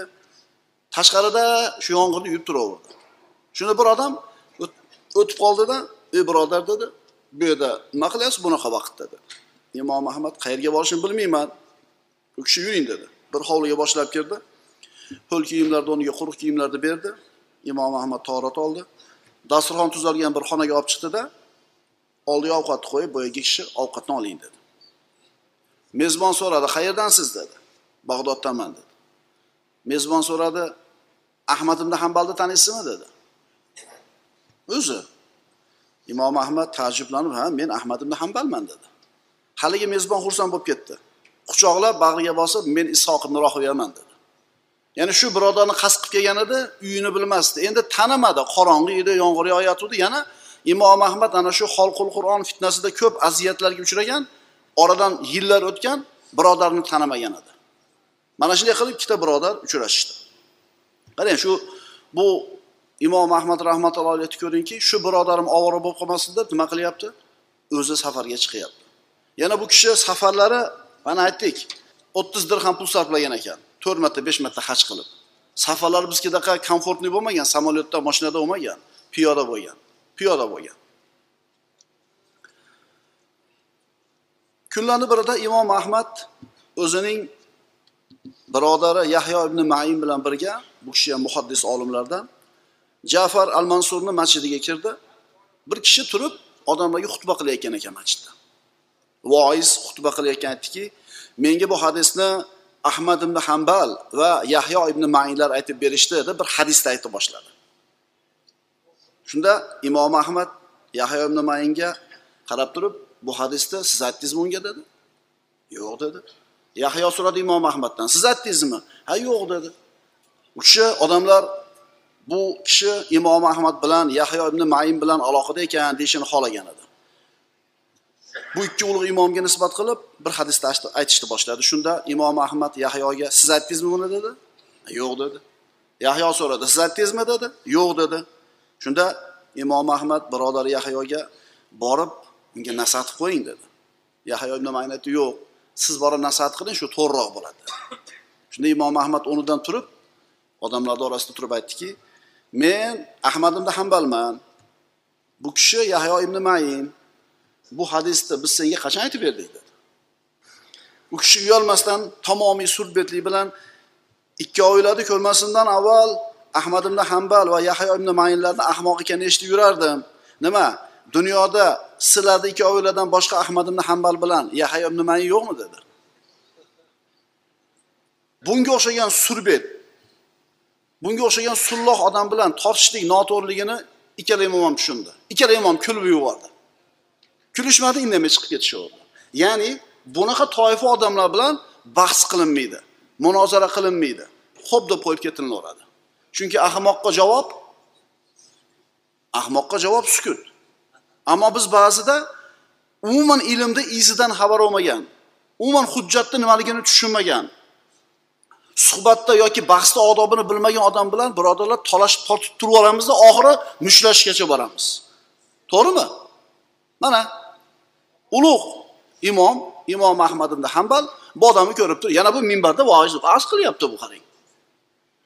Shuning uchun bilaylik kim bilan muomala qilayotganimizni xo'p deb qo'yib indamay ketishaverdi biror narsa deyishmadi sababi foydasi yo'q. Bunday odamlar bilan tenglashishlikni imom ahmad o'ziga lozim deb eb deb ko'rmasin. Imom ahmad rahmatullohi alayhni ilmi u kishini mashhurligi yoyildi. U kishini oldiga har tarafdan odamlar ta'lim olgani ilm o'rgangani keldi. Har zamonda bo'ladigan narsa biror kishi ozgina mashhurlikka yetsa albatta uni g'iybat qiladiganlar topiladi. Xolqul qur'on fitnasida ayrim odamlar xalifani tutgan yo'lini to'g'ri deb imom ahmadni malomat qilishgan edi ayblashgan edi g'iybat qilishgan edi ammo fitna tomonga yetganidan keyin haqiqat ochildi. Imom ahmadni tutgan yo'li to'g'ri ekanligi ma'lum bo'ldi. Ana shu paytda imom ahmadni g'iybat qilgan kishilardan bittasi kelib ey imom ey abu abdulloh men sizni g'iybat qildim meni kechirib qo'ying dedi. Bu qissani o'qishdan maqsad bu imomlarni hayotini o'rganishdan maqsad bir tarixni eshitib qo'yish emas. O'zimizga ibrat namuna olish. Agar shu narsaga yana qaytmasang kechirdim dedi. Shu yerda ham nima? Tarbiya. Shu yerda ham u kishiniga ta'lim berishlik bo'ldi. Imom ahmad haqida aytishar edi abu abdullohni masjidda namozda turganini yoki ilm berayotganini yoki janozada yoki kasalni ziyorati ekanini ko'rardik. Bozorlarda yurganini ko'rmas edik bozorga ahli ilmlarni ulamolarni hadab chiqaverishligini imom ahmad yoqtirmas edi abu bakr yaqub ibn yusuf al muttoviy aytadi abu abdulloh huzurida imom ahmad huzurida o'n uch yil o'tirdim. U musnatni o'zining bolalariga o'qib berar edi. Undan musnatdan biron dona ham harfni yozmaganman. Undan ya'ni imom ahmaddan odobidan axloqidan yozganman va uni yodlab olganman. Imom ahmadni shaxsiyati mana shunday edi. Mana shunday bir ulug' shaxsiyatli inson bo'lgan edi. Mana endi imom ahmad rahmatullohi alayhni hukm va siyosat bobida tutgan mavqifi. Hokimlar bilan mansabdor kishilar bilan muomalasi qanday edi? Imom ahmad rahmatullohi alayh ko'pchilik fuqarolarni fikri kabi xalifalik faqatgina qurashlik kishini qo'lida bo'lishi kerak degan fikrda edi. Imom ahmadni nazdida xalifalik quraysh qabilasidan bo'lgan kishini qo'lida bo'lishligi kerak. Shu fikrda edi. Chunki payg'ambarimiz xalifalik qurayshda bo'ladi deb marhamat qilgandilar. Ko'pchilik odam olimlar mana shu fikrda turishar edi. Imom shofiy ham imom ahmad ham mana shu fikrda edi. Imom ahmad hukm bilan bo'ladigan muomalada qanday bo'lishligi kerak? Shu haqida shunday degan edi jihod hokim bilan qoyim bo'ladi fojir bo'ladimi solih bo'ladimi? Uni odilning adolati va jabr qiluvchining jabri bekor qilmaydi. Juma ikki ayd va haj sulton bilan ado qilinadi. Garchi ular adolatli taqvoli solih bo'lishmasa ham ya'ni zulm qilayotgan bo'lsa ham taqvosiz bo'lsa ham hokimmi? Xalifami? Buni orqasida mana shu amallar qilinadi. Ishlaringizni olloh kimga topshirgan bo'lsa ularga itoat qilish lozim. Uning itoatidan chiqishga chaqirilmaydi. Uning itoatidan tashqariga chiqilmaydi. Ularga qarshi qilishing bilan chiqmaysan to olloh senga bir mahrojni bermagunicha. Ya'ni ko'ringki hokim qanaqa bo'lishidan qat'iy nazar unga qarshi chiqmaysan itoatda bo'lasan. Imom ahmad agar hokim fojir bo'lsa ham unga qarshi chiqmaslik kerak deyapti. Albatta bu masalada ulamolarni fikrlari turli bo'lgan. Endi imom ahmad bunday fikrga kelishiga albatta sabab bor. Tajriba shuni ko'rsatadiki qachon musulmonlar hokimga qarshi chiqsa ana shu qarshi chiqishlik isyon inqilob juda katta fitnalarga sabab bo'lgan edi va juda ko'p musulmonlarning qoni oqqan edi. Mana shu tajribaga suyangan holda hokim qanaqa bo'lishidan qat'iy nazar unga qarshi chiqishlikni imom ahmad to'g'ri deb bilmas edi albatta munkarni o'zgartirish lozim bo'ladi. O'zi asl shu. Man ro minkum munkaron fal yughayyirhu biyadihi. Rasululloh aytganlar kim bir munkarni ko'rsa uni qo'li bilan o'zgartirsin. Asl shu. Ammo ammo birodarlar siz ko'rib turgan shu munkarni o'zgartiraman deb harakat qilsangiz bu munkardan ko'ra kattaroq munkar paydo bo'ladigan bo'lsa avvalgi munkar o'z holicha qo'yib turiladi. Avvalgi o'tgan xalifalarga nisbatan imom ahmadning mavqifi aniq edi. U kishi to'rttala xalifani abu bakr siddiq umar ibn hattob usmon ibn affon ali ibn abi tolib roziyallohu majmain ularni xalifai roshid mahdiy deb bilardi. Ulardan keyin esa odamlarning eng yaxshilari payg'ambarimizning sahobalari ekanligini aytar edi. Imom ahmadni davrida abu bakr siddiq umar ibn hattob roziyallohu anhularni so'kkanlar bo'lgan. Usmon ibn affon ali ibn abi tolibni yomon ko'rganlar ham bo'lgan. Shuning uchun imom ahmad aytar edi mana shu to'rttala xalifani e, eng afzal inson ekanligini isbotlab aytar edi ali roziyallohu anhuning boshliqligini tan olmagan kishi eshakdir. Alini xalifaliligini tan olmagan odam eshak degan edi imom ahmad. Imom ahmad yana aytgan edi albatta xalifalik ali roziyallohu anhuni ziynatlamadi. Balki ali ibn abi tolib roziyallohu anhu xalifalikni ziynatladi imom ahmadni ali roziyallohu anhuga nisbatan tutgan mavqifi aniq ravshan edi. Rasululloh sollallohu alayhi vasallamning mana sahobalarini o'rtasida fitnalar kechdi. Ali ibn abi tolib roziyallohu anhuga qarshi muoviyat ibn abu sufyon roziyallohu anhu qo'shin bilan keldi.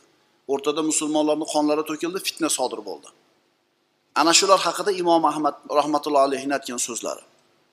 Xalifalikni bo'lishligi va unga bayat qilishlik lozim ekanligini aytar edi aytar ediki imom ahmad imomatni lozimligini tan olmagan holida kim vafot etsa bas uni vafoti johiliy vafot bo'libdi. Imom ahmad ali roziyallohu anhuning xalifai roshid ekanligini aytib shunday deydi. Ali roziyallohu anhuning jamoasi va qo'shini haq ustida edi. Muoviyat ibn abu sufyon roziyallohu anhuning jamoasi va qo'shini unda emas. Bundan oshiqcha gapni gapirmaymiz der edi imom ahmad yana aytar edi. Olloh meni u qonlarga tegishdan saqladi men esa tilimni ular haqida gapirishdan saqlayman. Meni qilichim aralashmadimi o'sha sahobalar o'rtasidagi fitnada endi men tilimni aralashtirmayman yana aytar edi. Har bir mushtahidga ajr bor. To'g'ri ishtihod qilganga ikkita ajr xato ishtihod qilganga esa bitta ajr beradi ma'ruziy aytadi. Abu abdullohga ali va muoviya roziyallohu anhu orasidagi narsa haqida nima deysiz? Deyildi. Imom ahmad ular haqida faqat yaxshi gap gapiraman dedi. Imom ahmad rahmatullohi alayhini oldiga banu hoshimdan bo'lgan bir kishi keldida ana shu fitnali kunlar haqida so'radi. Imom javob bermadi. Haligi kishi ketdi. Imom ahmadga bu odam banu hoshimdan deyishdi. Shunda imom ahmad uni oldiga borib aytdiki axir siz qur'onda alloh taoloning billah tilka ummatun qad xolat laha ma kasabat va lakum ma kasabtum va la tusaluna amma kanu ya'malun. Oyatini o'qimaganmisiz dedi. Ya'ni hadab ulardan nima so'rayapsiz? Alloh taolo aytadi ular o'tib ketgan kishilardir. Ularning qilgan amallari o'zlari uchun sizlarning qilgan amallaringiz o'zlaringiz uchundir va sizlar ular qilgan amallar uchun mas'ul bo'lmassiz.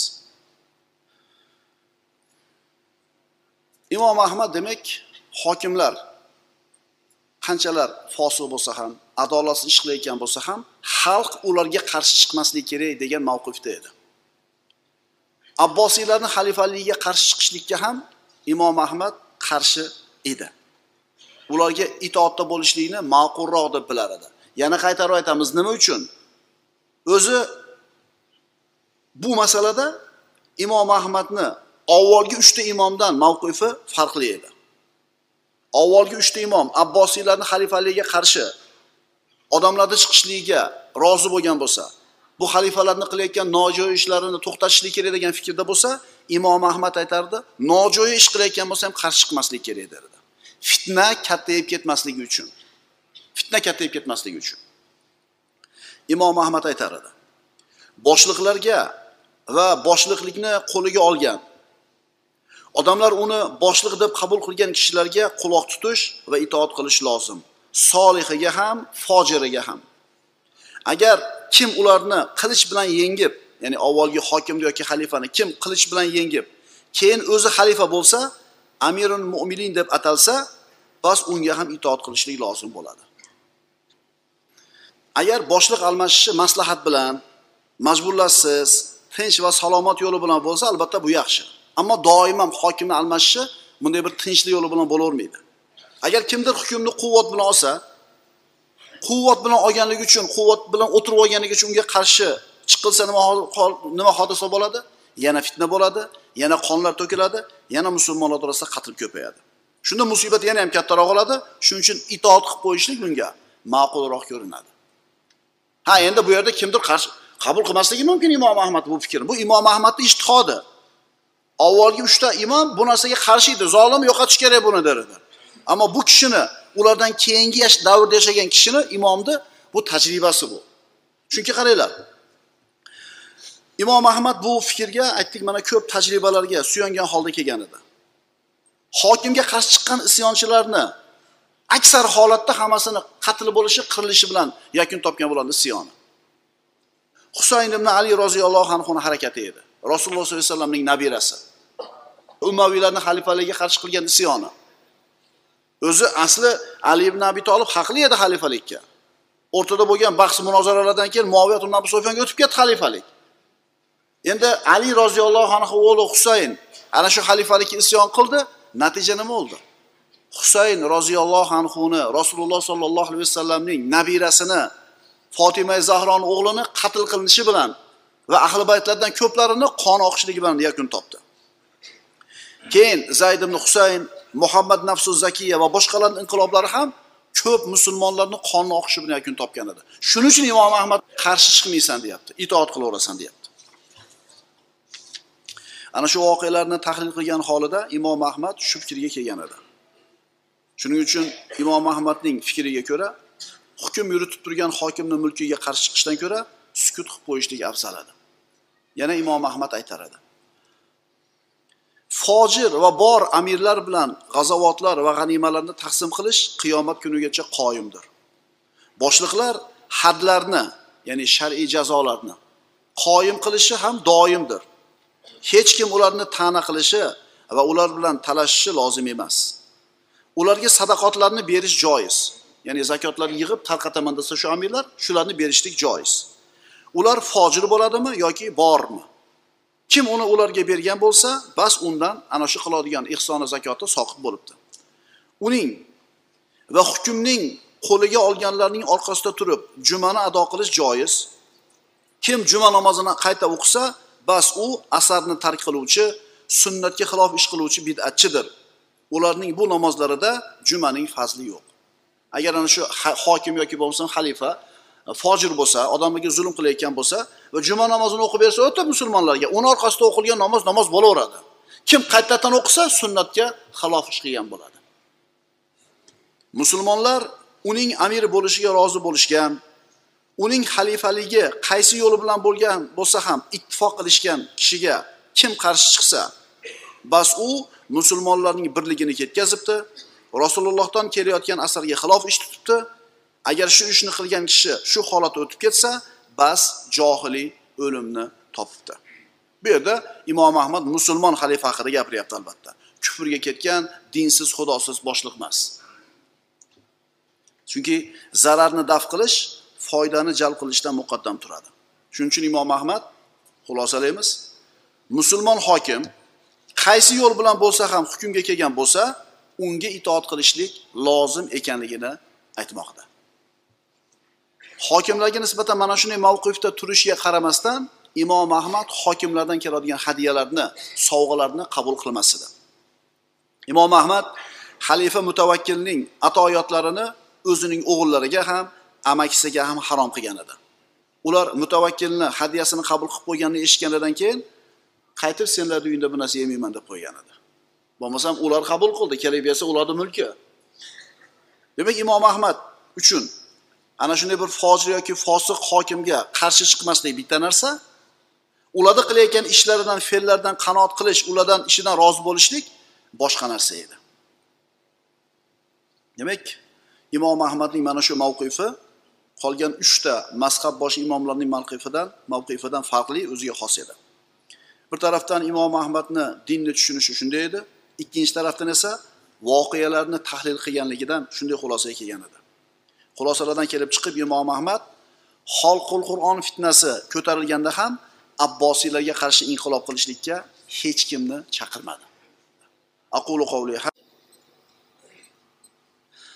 bismillahi rohmanir rohim alhamdulillahi robbil alamin. Vassalotu vassalamu ala sayyidina muhammad as sodiqil vadil amin. اللهم لا علم لنا إلا ما علمتنا إنك أنت العليم الحكيم. اللهم علمنا ما ينفعنا وانفعنا بما علمتنا وزدنا علما. اللهم أرنا الحق حقا وارزقنا اتباعه وأرنا الباطل باطلا وارزقنا اجتنابه. واجعلنا ممن يستمعون القول فيتبعون أحسنه وأدخلنا برحمتك في عبادك الصالحين. أما بعد السلام عليكم ورحمة الله وبركاته. بسم الله الرحمن الرحيم. Mazhabboshi imomlarimizni hayotini o'qib o'rganayotgan edik. Biz imom abu hanifa no'mon ibn sobit rahmatullohi alayhi hayotini o'qidik. Imom molik ibn anas rahmatullohi alayhi hayotini o'qidik. Imom shofiy hayotini o'qib o'rgangan bo'ldik. Mana mana shu to'rala mazhab imomlarining to'rtinchisi bo'lgan ahmad ibn hambal rahmatullohi alayhini hayotini o'qiyotgandik. Beshinchi darsimiz. Bugun xolqul qur'on fitnasi qanday boshlangan? Shuni o'qiymiz. Bu fitna ya'ni xolqul qur'on deganda tushunib olaylik qur'on maxluq. Ollohni kalomi emas qur'on maxluq. Osmon yerga o'xshagan toshga o'xshagan g'ishtga o'xshagan maxluq ollohni kalomi emas degan e'tiqodni tushunchani mo'tazila firqasi ko'targan va mana shu fitna musulmonlar ustida qattiq turgan. Birodarlar ummati muhammad sallallohu alayhi vasallamni ustiga rasulullohni vafotidan keyin ikkita qattiq sinov imtihon kelgan. Shundan bittasi rasululloh vafot etgandan keyin islomni qabul qilgan arab qabilalari dindan qaytib yubordi ridda boshlandi. Bu fitnada abu bakr siddiq roziyallohu anhu sobit turdi haq mavqifni ushladi. Bu fitna nihoyasiga yetdi. Ummatni yo'q bo'lib ketishiga sabab bo'ladigan fitna edi. Ana shu fitnani ikkinchisi ahmad ibn hambal davridagi xolqul qur'on fitnasi. Bu fitna abbosiy xalifalardan uchtasini davrida davom etdi. Imom ahmad rahmatullohi alayhini hayotini o'qib o'rganar ekanmiz. Bu xolqul qur'on fitnasini o'qimay o'rganmay ilojimiz yo'q. Bu fitna butun ummatni mashg'ul qildi. Bu fitna o'n yetti yil davom etdi. Imom ahmad rahmatullohi alayhini hayotidan o'n yetti yilini egalladi. Bu fitna bir davrda og'irroq bo'ldi bir davrda yengilroq bo'ldi. Mana shu fitnada ko'zga ko'ringan asosiy ko'zga ko'ringan odam ikkita bo'ldi. Bittasi shu fitnani o'tini alangasini ko'targan xalifa ma'mun bo'ldi. Shu xalifa ma'mun boshladi bu fitnani. Ikkinchisi mana shu fitnani o'tini o'chirishlikka harakat qilgan mana shu yo'lidagi mehnat mashaqqatlarga aziyatlarga sabr qilgan imom ahmad rahmatullohi alayhi edi. Bu fitna abbosiy xalifalardan uchtasini davrida bo'lgan dedik. Ular ma'mun mu'tasim al vosiq ulardan keyin kelgan xalifa to'rtinchi mutavakkil uni davrida ham fitna bo'ldi lekin mutavakkil bu fitnaga chek qo'ydi. Xolqul qur'on fitnasi xalifa ma'mun hali xalifa bo'lmasdan avvalroq boshlagan edi. Bu ummaviylarning xalifalarni oxirgilarini davrida bu fitna yuzaga chiqqan edi. Xalifa ma'mun o'zi saqofatli inson edi. Ilmli ma'rifatli odam edi. Ummatni ilmiy hayotini yangilanishligiga quvvatlanishiga juda katta hissa qo'shgan edi. Mamlakatda ilmiy hayotni tiriltirgan olimlarni ilmga shijoatlantirgan atrof ofoqlardan kitoblarni jamlagan boshqa ummatlarni kitoblarini tarjima qildirgan yunon va fors madaniyatlarini meroslarini o'rgangan Horun arashid davrida boshlangan ilmiy yuksalishni rivojlantirishga hissa qo'shgan kishi edi. Ilmli odam edi bu ham. Ma'munning xalifa ma'munning davriga kelib ahli sunna val jamoa e'tiqodiga e'tiqodi xilof bo'lgan firqalarda ishi yuksala boshladi. Ular mantiqda falsafada bahsda mohir bo'lganliklari uchun ma'mun xalifa ma'mun ularni fikrlaridan ta'sirlandi. Ularni yoqtirib qoldi. Ana shu adashgan toifalardan mu'tazilalar bu shu islom ummatida avvalida bo'lgan fitnani sababchilari bo'lgan aqidasi adashgan firqalar. Ular xalifa ma'munni atrofida jamlanishdi. Diqqat e'tiborini qattiq qilishdi xalifaga. Ma'mun ularni fikrlaridan qanoatlandi. Ishlarga faqatgina ularni nazari bilan ularni o'lchov bilan qaraydigan bo'ldi. Mo'tazilalar kimlar bular? Mo'tazilalar ahli sunna val jamoa aqidasiga xilof aqida bilan chiqqan kishilar. Mana ularda aqidada adashishliklari nimalardan iborat edi? Mana ayrimlarini aytamiz. Ular aytardi inson mutloq ixtiyorli. U o'zini fe'lini o'zi yaratadi. Uni fe'lini olloh yaratmaydi deyishar edi. Kabira egasi mo'min ham emas kofir ham emas deyishar edi. Ya'ni kabira egasi degani gunoh kabira qilib qo'ygan odam musulmon ham emas kofir ham emas shu iymon bilan kufrni o'rtasida turadi deb e'tiqod qilishar edi ular yana aytishardi olloh bandalarning amallarini yaratmaydi. Yana aytishardi musulmon odam gunoh kabira qilib aroq ichib odam o'ldirib zino qilib tavba qilmay o'lib ketsa olloh uni kechirmaydi deyishar edi ularning buzuq aqidasiga ayrim mana misollar. Demak bu mo'tazilalarni ummatdan farqlanadigan aqidalari fikrlari bor edi. Ularni ishi unchalik ahamiyatli emas edi. Ammo xalifa ma'munni ular o'zi tomonga og'dirib olganidan keyin xalifa ma'mun ularni fikrlari bilan qanoatlanib olganidan keyin mamlakatdagi katta katta mansablarni mo'tazilalarga berib qo'ydi. Davlat ishlarini boshqarishlik mo'tazila firqasini kishilariga o'tganidan keyin ish chappasiga aylanib ketdi. Ishni avvalida mushkula unchalik katta emas edi ammo boyagi aytayotganimizdek mansab ishlariga juda ko'pchilikka kelganidan keyin ummatga o'zlarini buzuq aqidasini kuch bilan o'tkazishlik kerakligi haqida xalifaga maslahat berishni boshlashdi. Avvalgi xalifalar bahs munozaraga yo'l ochib qo'yardi. Ya'ni mana shunday bir buzuq aqida egalari o'zlarini fikrlari bilan chiqsa ulamolar ularni ro'parasiga o'tirib bahs qilib hujjat dalil keltirib bularni to'xtatib yo'q qilib qo'yar edi. Shu bilan ish tamom bo'lar edi. Ammo boyagi aqidasi buzuqlar kuch ishlatishga kirishib ketsa ilmiy bahsga quloq solmasdan shunda xalifa ularni kuchi bilan to'xtatar edi. Ma'munning xalifa ma'munning davrida bunday bo'lmadi. Ummatni aqidasiga tushunchalariga teskari bo'lgan tushunchalarni bir toifa odamlar musulmonlarga o'tkazmoqchi bo'ldi. Bundan ham kattarog'i xalifa o'zi qanoatlanib olgan bu fikrga. Va ana shu mo'tazila aqidasini qabul qilmaganki odamni bu xalifa davlatni dushmani davlat uchun xatar deb aytdi. Yo'q joydan fitna boshlandi. Jud ibn durhum xolqul qur'on fitnasida tanilgan kishilarning birinchisi. Bu ummaviylarning oxirgi xalifalaridan bo'lgan muhammad ibn marvonni yonida turar edi va mana shu muhammad ibn marvonni o'g'liga muallim edi bu kishi falsafada nutqda bahsda mohir bo'lganligi uchun xalifa muhammad ibn marvonni o'ziga og'dirib olgan edi. Uni buzuq e'tiqodiga ko'ra uni e'tiqodiga ko'ra olloh ibrohimni o'ziga do'st qilib tanlab olmagan der edi. Olloh musoga gapirmagan der edi.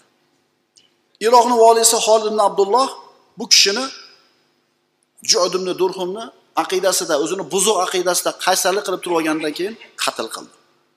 Undan keyin mana shu fikrni jahm ibn safvon ko'tarib chiqdi. Jahm ibn safvon at termiziy banu rosib mavlolaridan asli termizlik bo'lgan ko'fada tug'ilgan jud ibn durhumdan ta'sirlangan edi. Bu jahm ibn safvon bilan imomi azam abu hanifa rahmatullohi alayhi o'tirib bahs qilgan edi. Uni xatolarini tushuntirishlikka uringan edi. Bu jahmimni safvonni e'tiqodi bo'yicha olloh gapirmaydi shunaqa der edi. U ham fitna sohibi edi. U ham o'zini e'tiqodini odamlarga kuch bilan o'tkazaman degandan keyin jud ibn durhumni qatlidan o'n yil o'tib bu ham qatl qilindi. Abbosiylarning xalifalaridan bo'lgan horun ar rashid davrida mana shu mo'tazilalarning aqidasini ko'tarib chiqqan kishi bishrul marisi bishr ibn g'oyas al marisi edi. Bu bishril marisi otasi yahudiy edi. Otasi islomni qabul qilgan edi. Zayd ibn al hattobning mavlolaridan edi. Bu bishril marisi ishini avvalida hadisni fiqhni o'rgandi ilm bilan boshladi ishini. Fiqhni abu yusuf rahmatullohi alayhidan o'rgandi. Keyinchalik mo'tazilalarga aralashdi va ularni fikrlaridan qanoatlanib mo'tazilalardan bo'lib ketdi. Ular aytishardi mana ana shu mo'tazilalarni e, buzuq aqidasini mana bitta misoli ular aytishardi biz ollohni poklamoqchimiz ulug'lamoqchimiz. Agar biz olloh gapiradi odamlar ham gapiradi desak ollohni odamlarga o'xshatib qo'ygan bo'lamiz. Vaholanki laysa kamithlihi shay'un va huwas basir degan Alloh. alloh taolo biror narsaga o'xshamaydi degan. Agar olloh gapiradi odamlar gapiradi desak ollohni odamlarga o'xshatib qo'ygan bo'lamiz deyishadi endi bu mutlaqo noto'g'ri fikr edi. Endi alloh taolo gapiradi biz ham gapiramiz. Ollohni gapirishi o'ziga xos. Bizni gapirishimiz o'zimizga xos. Biz imom azam aytgandek biz vositalar yordamida gapiramiz. Ammo alloh taolo bevosita gapiradi. Olloh gapiradi biz ham gapiramiz ollohni gapirishi o'ziga xos uni bilmaymiz biz. Olloh eshitadi biz ham eshitamiz. Endi bularni e'tiqodi bo'yicha agar bandalarga o'xshamasligi kerak bo'lsa biz eshitsak olloh eshitmasligi kerak biz gapirsak olloh gapirmasligi kerak. Bu aqlga to'g'ri kelmaydigan umuman sog'lom fitratga to'g'ri kelmaydigan narsa. Masalan biz bilamiz agar olloh o'xshamaydi degan ularni e'tiqodini o'lchasak olloh hech narsani bilmaydi deyishimizga to'g'ri keladi. Lekin ko'ringlar shu fikrlarni ham hujjatlab dalillab falsafaga mantiqqa kirib turib bir toifa odamlarda bular boshini aylantirib qo'yishgan. Hatto xalifani boshini aylantirib qo'yishdi. Demak ularning u fikrlari ayni adashishligini o'zi edi. Bu masala ayrim ilmsiz kishilar uchun mushkulani paydo qilishi turgan gap edi. Ollohni kalom masalasini tanlashdi. Nima uchun? Aytishdiki yo'q kalom boshqa sifatlardan o'zgacha xos sifat boshqa sifatlardan farqi bor. Kalom deyishdi yangilanib turadi deyishdi. Kalom yangilanib turadi. Agar alloh taoloni gapiradi desak demak alloh taoloni gapi ham yangilanar ekan olloh yangilanadigan bo'lib qoladi. Olloh esa yangilanmaydi shuning uchun olloh gapirmaydi deyishadi.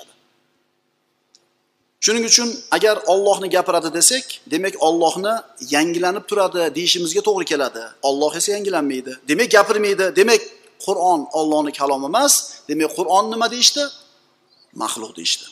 Shunday qilib qur'on oyatlarini ular buzib tafsir qilib qur'onni boshqa maxluqlar qatori maxluq degan fikrni olg'a surishdi. Ular ochiq oyat hadis naslarni tark qilib o'zlarini aqllariga tayanishdi. Natijada haqdan adashishdi bishril marisi mo'tazilalar mana shu fitnani ko'tarib chiqishdi. Qur'on maxluq deyishdi. Bishril marisi mana shu fikrini qur'on maxluq degan fikrini xalifa xorin arashid davrida boshlagan edi. Xorin arashid bunday bir zalolatni o'zini mamlakatida bo'lishligini xohlamas edi.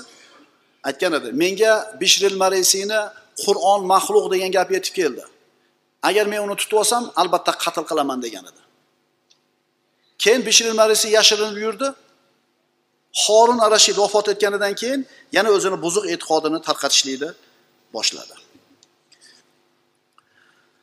horun Rashid vafot etdi. Uni o'g'li Amin xalifa bo'ldi. Undan keyin horunning keyingi o'g'li Ma'mun xalifa bo'ldi. horunning o'g'li Amin u arab ayolidan edi. Atrofida ulamolar, fozil kishilar ko'p edi. Bu fitnadan uni ehtiyot qilib himoya qilib qolishdi. Ammo Ma'mun xalifa bo'lgandan keyin bu arab bo'lmagan ayolidan o'g'li edi. U atrofiga falsafachilar, boyagi aytgandek e, mantiqqa berilgan falsafaga berilgan kishilarni jamladi natijada mo'tazillarni fikridan taslanib qoldi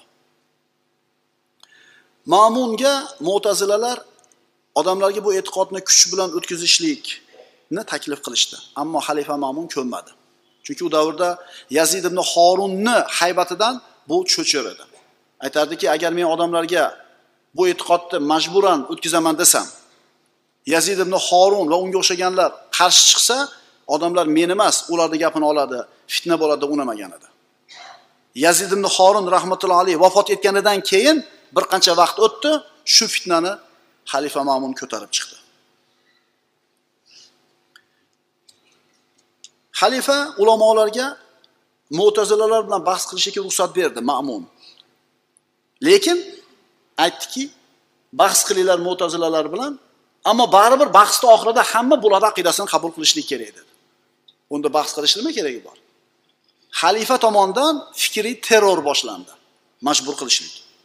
Qarang mo'tazilalar o'zlari ilmli edi bahs qilishlikka munoza qilishlikka kuchligida ammo ular bu qurolni ishlatmasdan xalifani qilichini ulamolarga qarshi soldi. Ma'mun o'ziga vazir qilib olgan kishi ham mo'tazilalardan edi. Ahmad ibn abi juas. Qarang ahmad ibn abi juas mo'tazila xalifani o'zini e'tiqodiga ko'ndirgan doim maslahatni shundan olib turadi xalifa. O'zidan keyingi mo'tasim al vosiq o'zidan keyingi ikkita xalifa ham mana shu kishini o'ziga vazir qildi. Shuning uchun bularni davrida fitna tugamadi. O'zidan keyin kelayotgan xalifa mu'tasimga xalifa ma'mun vasiyat qilgan edi. Mana shu ahmad ibn abi juazni o'zingga vazir qilib ol va doim uni gapiga quloq sol degan edi. Ko'ringlar birodarlar bu hukmga yaqin bo'lgan kishilar fosid bo'lsa hukmni ham fasodga uchratishadi bular. Ma'mun xalifa ma'mun bag'doddan safar qildi. Ruqqo degan joyga yetgan paytda bag'dodga maktub yozdi. Mana horun eh, yazid ibn horun vafot etdi. Endi fitna ko'tarildi. Mana endi boshlanyapti fitna. Bag'dodda mirshablarning raisi ishoq ibn ibrohimga maktub yozdi. Bu ishoq ibn ibrohim xalifa bag'doddan chiqib ketgan safarga ketgan paytda ham voliylik ishini bajarardi ham mirshab edi. Unda ana shu yozgan maktubida ulamolarni aqidasini imtihon qilishlikni buyurdi. Bunga o'xshagan maktublarni ko'p yozgan shundan bittasini o'qib chiqamiz. Ma'mun o'zining maktubida yozadi. Amma ba'd Allohning dinini qoyim qilishda ularga berilgan ilm va nubuvvat merosida ijtihod qilish va undagi botilni ketkazish o'zlariga berilgan ilmni muqaddam qilish raiyatda haq bilan amal qilish raiyatni Allohning toatiga yetaklash uchun yeng shimarish musulmonlarning imomlari va ularning xulofolariga lozim bo'ladi. Bu ularning ustidagi Allohning haqqidir. Amirul mo'minin Allohdan o'zini azimatur rushga boshlashini Alloh unga topshirgan raiyatni ishida o'zining marhamati va minnati bilan salohiyat berishini so'raydi.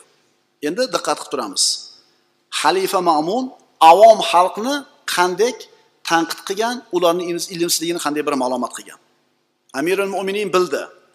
Turli qit'a va turli taraflardagi ilmda nazari va fikri bo'lmagan Allohning dalolatida va hidoyatida istidlolga uning ilmi va dalilidan va'z nasihat olishga qodir bo'lmagan jumhurul akbar savodul azam avom xalq rayyatning tubanlari ommaning past tabaqalari Allohning dinidan va uning tavhididan uning haqiqatidan va unga bo'lgan iymondan uzoq jaholat va ko'rlik zalolat ahllaridir ular Allohni haq rost tanishda taqdir qilishda hamda uni Allohni maxluqotlaridan ajrata bilishdan qosirdirlar. Ya'ni avom xalq ilmsiz zalolatda so'qir ilmdan bexabar Allohni bandalardan maxluqotlardan ajrata olmaydi ular. Bu avom xalqqa berilayotgan baho.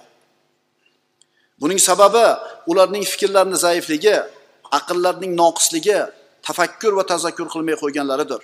Ular Allohni u o'zi nozil qilgan Qur'onga tenglab qo'yishdi. Ular mana shu e, Qur'on qadimul avval Alloh uni yaratmagan degan ra'yga ittifoq qilib olishdi. Ya'ni hamma Qur'on Allohning kalomi u maxluq emas deb ittifoq qilishib olgan. Qanday qilib ular Qur'onni maxluq emas deydilar? Axir uni Alloh qalblardagi narsaga shifo qilganini mo'minlarga hidoyat va rahmat qilganini o'zining kitobida zikr qildi-ku. Qarang. Inna ja'alnahu Qur'anan arabiyya dedi. Albatta biz Qur'onni arabiy Qur'on qildik. Mu'tazilalar mana shu ja'alna qildik degan kalimani yaratdik deb tafsir qilishdi.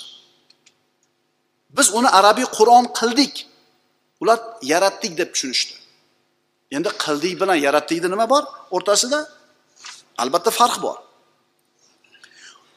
Mo'tazilalar o'zlarini e'tiqodini isbotlashligi uchun hujjat dalil qilib oyatlarini keltirishdi, lekin tafsirlarini buzishdi. Qildik degani yaratdik degani deyishdi. Inshaalloh e, bu oyatlarni tafsiri Imom Ahmadning bergan javobini keyingi darslarda o'qiymiz. Astagfiru billah. Alhamdulillahillazi xalaqas samawati val ard va ja'ala az-zulumati wan nur. Sano osmonlar va yerni yaratgan, zulmatlar va nurni qilgan Alloh uchundir. Ya'ni osmon yerni yaratdi, nurni zulmatni qildi, ya'ni u ham yaratdi, paydo qildi. So'ngra keyingi oyatga o'tamiz. Astagfirullah. Kazalika naqussu alayka min anba'i ma qad sabaq. Ey Muhammad alayhissalom biz sizga o'tib ketgan avlodlarning xabarlarini mana shunday so'zlab beramiz qur'onni maxluq ekanligiga bu oyatni nima aloqasi bor bu oyatda alloh taolo aytyapti avvalgi o'tgan ummatlarning hikoyalarini qissalarini shu qur'onda sizga bayon qilib beramiz. Ular aytishdi. Qarang mo'tazilalar bu oyatni qanday tafsir qilishdi? Olloh xabar beryaptiki albatta olloh azza va jalla qur'onni paydo qilishidan avval sodir bo'lgan ishlarni ba'zilarini qur'onda aytib berdi. Ya'ni qur'on ularni e'tiqodi bo'yicha maxluq osmon yer yaraldi undan keyin xalqlar yaraldi ularda orasida voqea hodisalar yuz berdi undan keyingi kelgan qur'onda ularni qissalarini so'zlab berdi deyapti olloh demak qur'onda avvalgi o'tgan ummatlarni qissalarini kelganligini o'zi qur'onni maxluq ekanligini keyin paydo bo'lganligini isbotlaydi deyishdi ular. Ular aytishdiki qanday qilib hali sodir bo'lmagan narsani yozish mumkin keltirish mumkin. O'zlarini insoniy aqliga suyanishdi. Ahli sunna val jamoa e'tiqodi bo'yicha olloh azza va jalla hali sodir bo'lmagan ishlarni ham o'zini azaliy ilmi bilan avvaldan bilishi mumkin. Shundaymi? Endi ular insonga to'g'ri keladigan tushuncha bilan alloh taoloni ilmini o'lchashdi. Inson bir voqea sodir bo'lmasdan turib uni yozolmaydi. Ya'ni mana u qirq birinchi yilda urush bo'ldi mana bunday bunday ishlar bo'ldi urush tugagandan keyin yozish mumkin buni. Bu insonlarga xos bo'lgan tushuncha. Ammo hamma ilmni egasi bo'lgan alloh taolo hali osmonni yerni yaratmasdan turib hali insonlarni hech qaysini yaratmasdan turib agar yaratsa ular dunyoga kirsa nima ish qilishini avvaldan bilishi mumkinmi? Bilishi mumkin. Shuning uchun bizni e'tiqodimizda alloh taoloning kalomi qur'on maxluq emas. Alloh taolo o'zi azaliy bo'lganidek uning kalom degan sifati ham azaliy. Ular odamga to'g'ri keladigan tushuncha bilan mulohaza qilishdi. Xatni davom etkazamiz. Astag'firullah alif lam ro kitabun uhkimat ayatuhu summa fussilat min ladun hakimin xabir alif lam ro ushbu kitob hikmat sohibi va hamma narsadan xabardor zot Alloh tomonidan oyatlari buzilmaydigan mustahkam va mufassal qilib nozil qilingan bir kitobdir. E, Mu'tasi mana shu oyatni keltirdi. Ularni tushunchasi bo'yicha Alloh o'zini kitobini muhkam qiluvchi uni mufassal qiluvchi bas uni paydo qiluvchisi va yaratuvchisi deyishdi. Ya'ni yaralgan narsa maxluq bo'ladi qur'on maxluq. Mufassal qildimi? Yaratdi. Muhkam qildimi? Yaratdi. Osmon yer yaralgandan keyin sodir bo'lgan qissalarni hikoyalarni keltirdimi qur'onni ichida? Demak qur'onni hamma narsadan keyin yaratdi demak qur'onni maxluq deyishdi.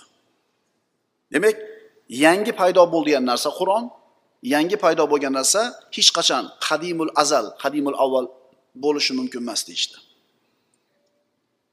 Shunday qilib mo'tazilalar oyatlarni noto'g'ri tafsir qilib buzuq tafsir qilib buzuq tafsir qilib mo'tasimni oldida bir narsani ikki ikkinchisini ikkinchisiga birinchisini kirgizib qur'onni maxluq degan tushunchani chiroyli qilib ko'rsatib berishdi.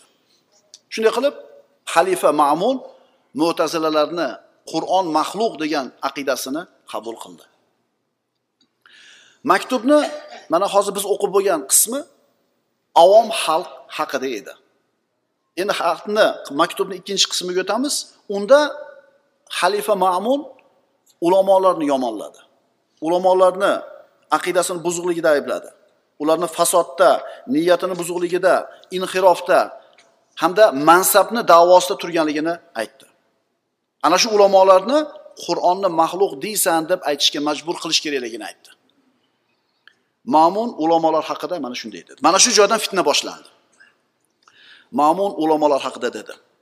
So'ngra ular botir fikrlari bilan mujodala qildilar. O'zlarining so'zlariga da'vat qildilar. O'zlarini sunnatga nisbat qildilar. Allohning kitobidagi har bir faslda ularning so'zlarini botil qiladigan qissalar bor. Ya'ni avval bo'lib o'tgan qissalarni hikoyasi keldimi qur'onda.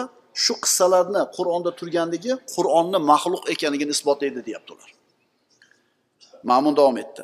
So'ngra ular o'zlarini haq ahllari din va jamoa deb ko'rsatishdi. O'zlaridan boshqalarni zalolat botil va kufr ahllari deyishdi. Shu fikrlari bilan odamlarning ustida turib olishdi. Bu bilan ular johillarni aldashdi. Hatto odamlar bunga yolg'on sukut bilan sukut qildilar. Ularning botillarini deb haqni tashladilar. Ollohning dinini ularning zalolatiga almashtirdilar. Adashgan olimlar ollohga yolg'on gapirish evaziga mansabga yetishishni istadilar. Mana shu ularning maqsadi edi. Vaholanki olloh ulardan va'da olib olloh sha'niga faqat haqni aytingiz va undagi narsani dars qilib o'rganingiz degan edi. Axir ular qur'on haqida fikr yuritmaydilarmi? Balki dillarida qulflari bordir. Shuning uchun u dillarga qur'on nuri yetmayotgandir degan edi dedi. Demak bu so'zlarni xalifani maktubidagi bu so'zlarni ba'zisi haq ba'zisi zalolat edi. So'zini davom ettirib xalifa ma'mun dedi.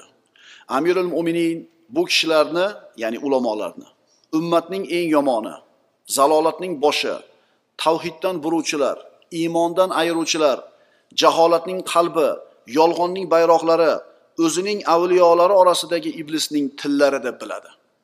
Ana o'shalar rostgo'yligida shubha qilinishiga shahodati qabul qilinmaslikka haqli bo'lgan so'ziga ham amaliga ham ishonolmaydigan kishilardir.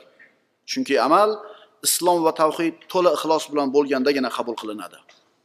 Insonlar ichida so'zi yolg'on shahodati bekor bo'lgani Allohning o'zining kitobiga bergan guvohligini inkor qilgani va Alloh taoloni haq tanishlik bilan tanimaganidir. Ya'ni kim Qur'onni maxluq demasa, demak Allohni tanimabdi. E'tibor beringlar. Mu'tazilalar xalifani o'zlarini aqidasiga burib olganlaridan keyin birinchi mo'ljallagan odamlari ulamolar bo'lyapti.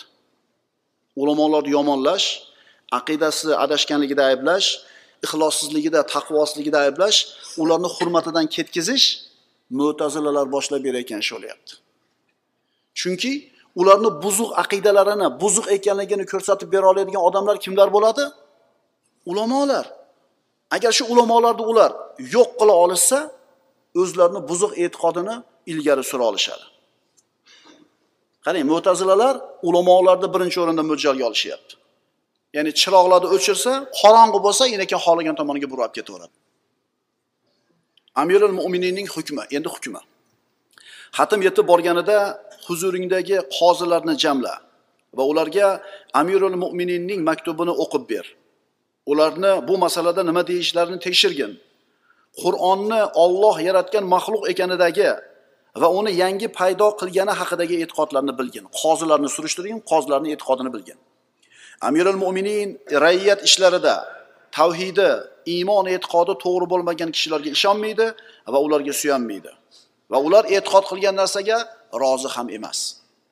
Kim amirul mo'minin e'tiqodiga iqror bo'lsa va rozi bo'lsa qur'onni maxluq desa. Ana o'shalar haq najot va hidoyat yo'lidadirlar. Qur'onni maxluqligi va uni yangi paydo bo'lganiga iqror bo'lmagan kishilarni shahodati qabul qilinmaydi. Endi ish shu darajada bo'ldiki qozilikka faqatgina mo'tazila aqidasini to'g'ri degan odam o'tiradi. Faqat o'shalardan bo'ladi qozi. Bu ham yetmagandek hatto qazo ishi bo'layotgan bo'lsa sud bo'layotgan bo'lsa. Guvohlik bergani kelgan oddiy odam ham mo'tazila aqidasini ushlagan bo'lishi kerak. Agar mo'tazila aqidasini ushlamagan bo'lsa uni guvohligi ham qabul qilinmaydi. Shunday taassub boshlandi. So'ngra qozilarni ishlarini tekshirgin va ularga ham shuni amr qilgin. Keyin ularni kuzatgin. Toki Allohning hukmlari faqatgina dinda ahli basoir bo'lgan tavhidda ixlosli kishilar guvohligida amalga oshirilsin. So'ngra amirul mo'mininga inshaalloh bo'ladigan barcha xabarlarni yetkazgin. 218 yil robiyul avval oyida yozildi.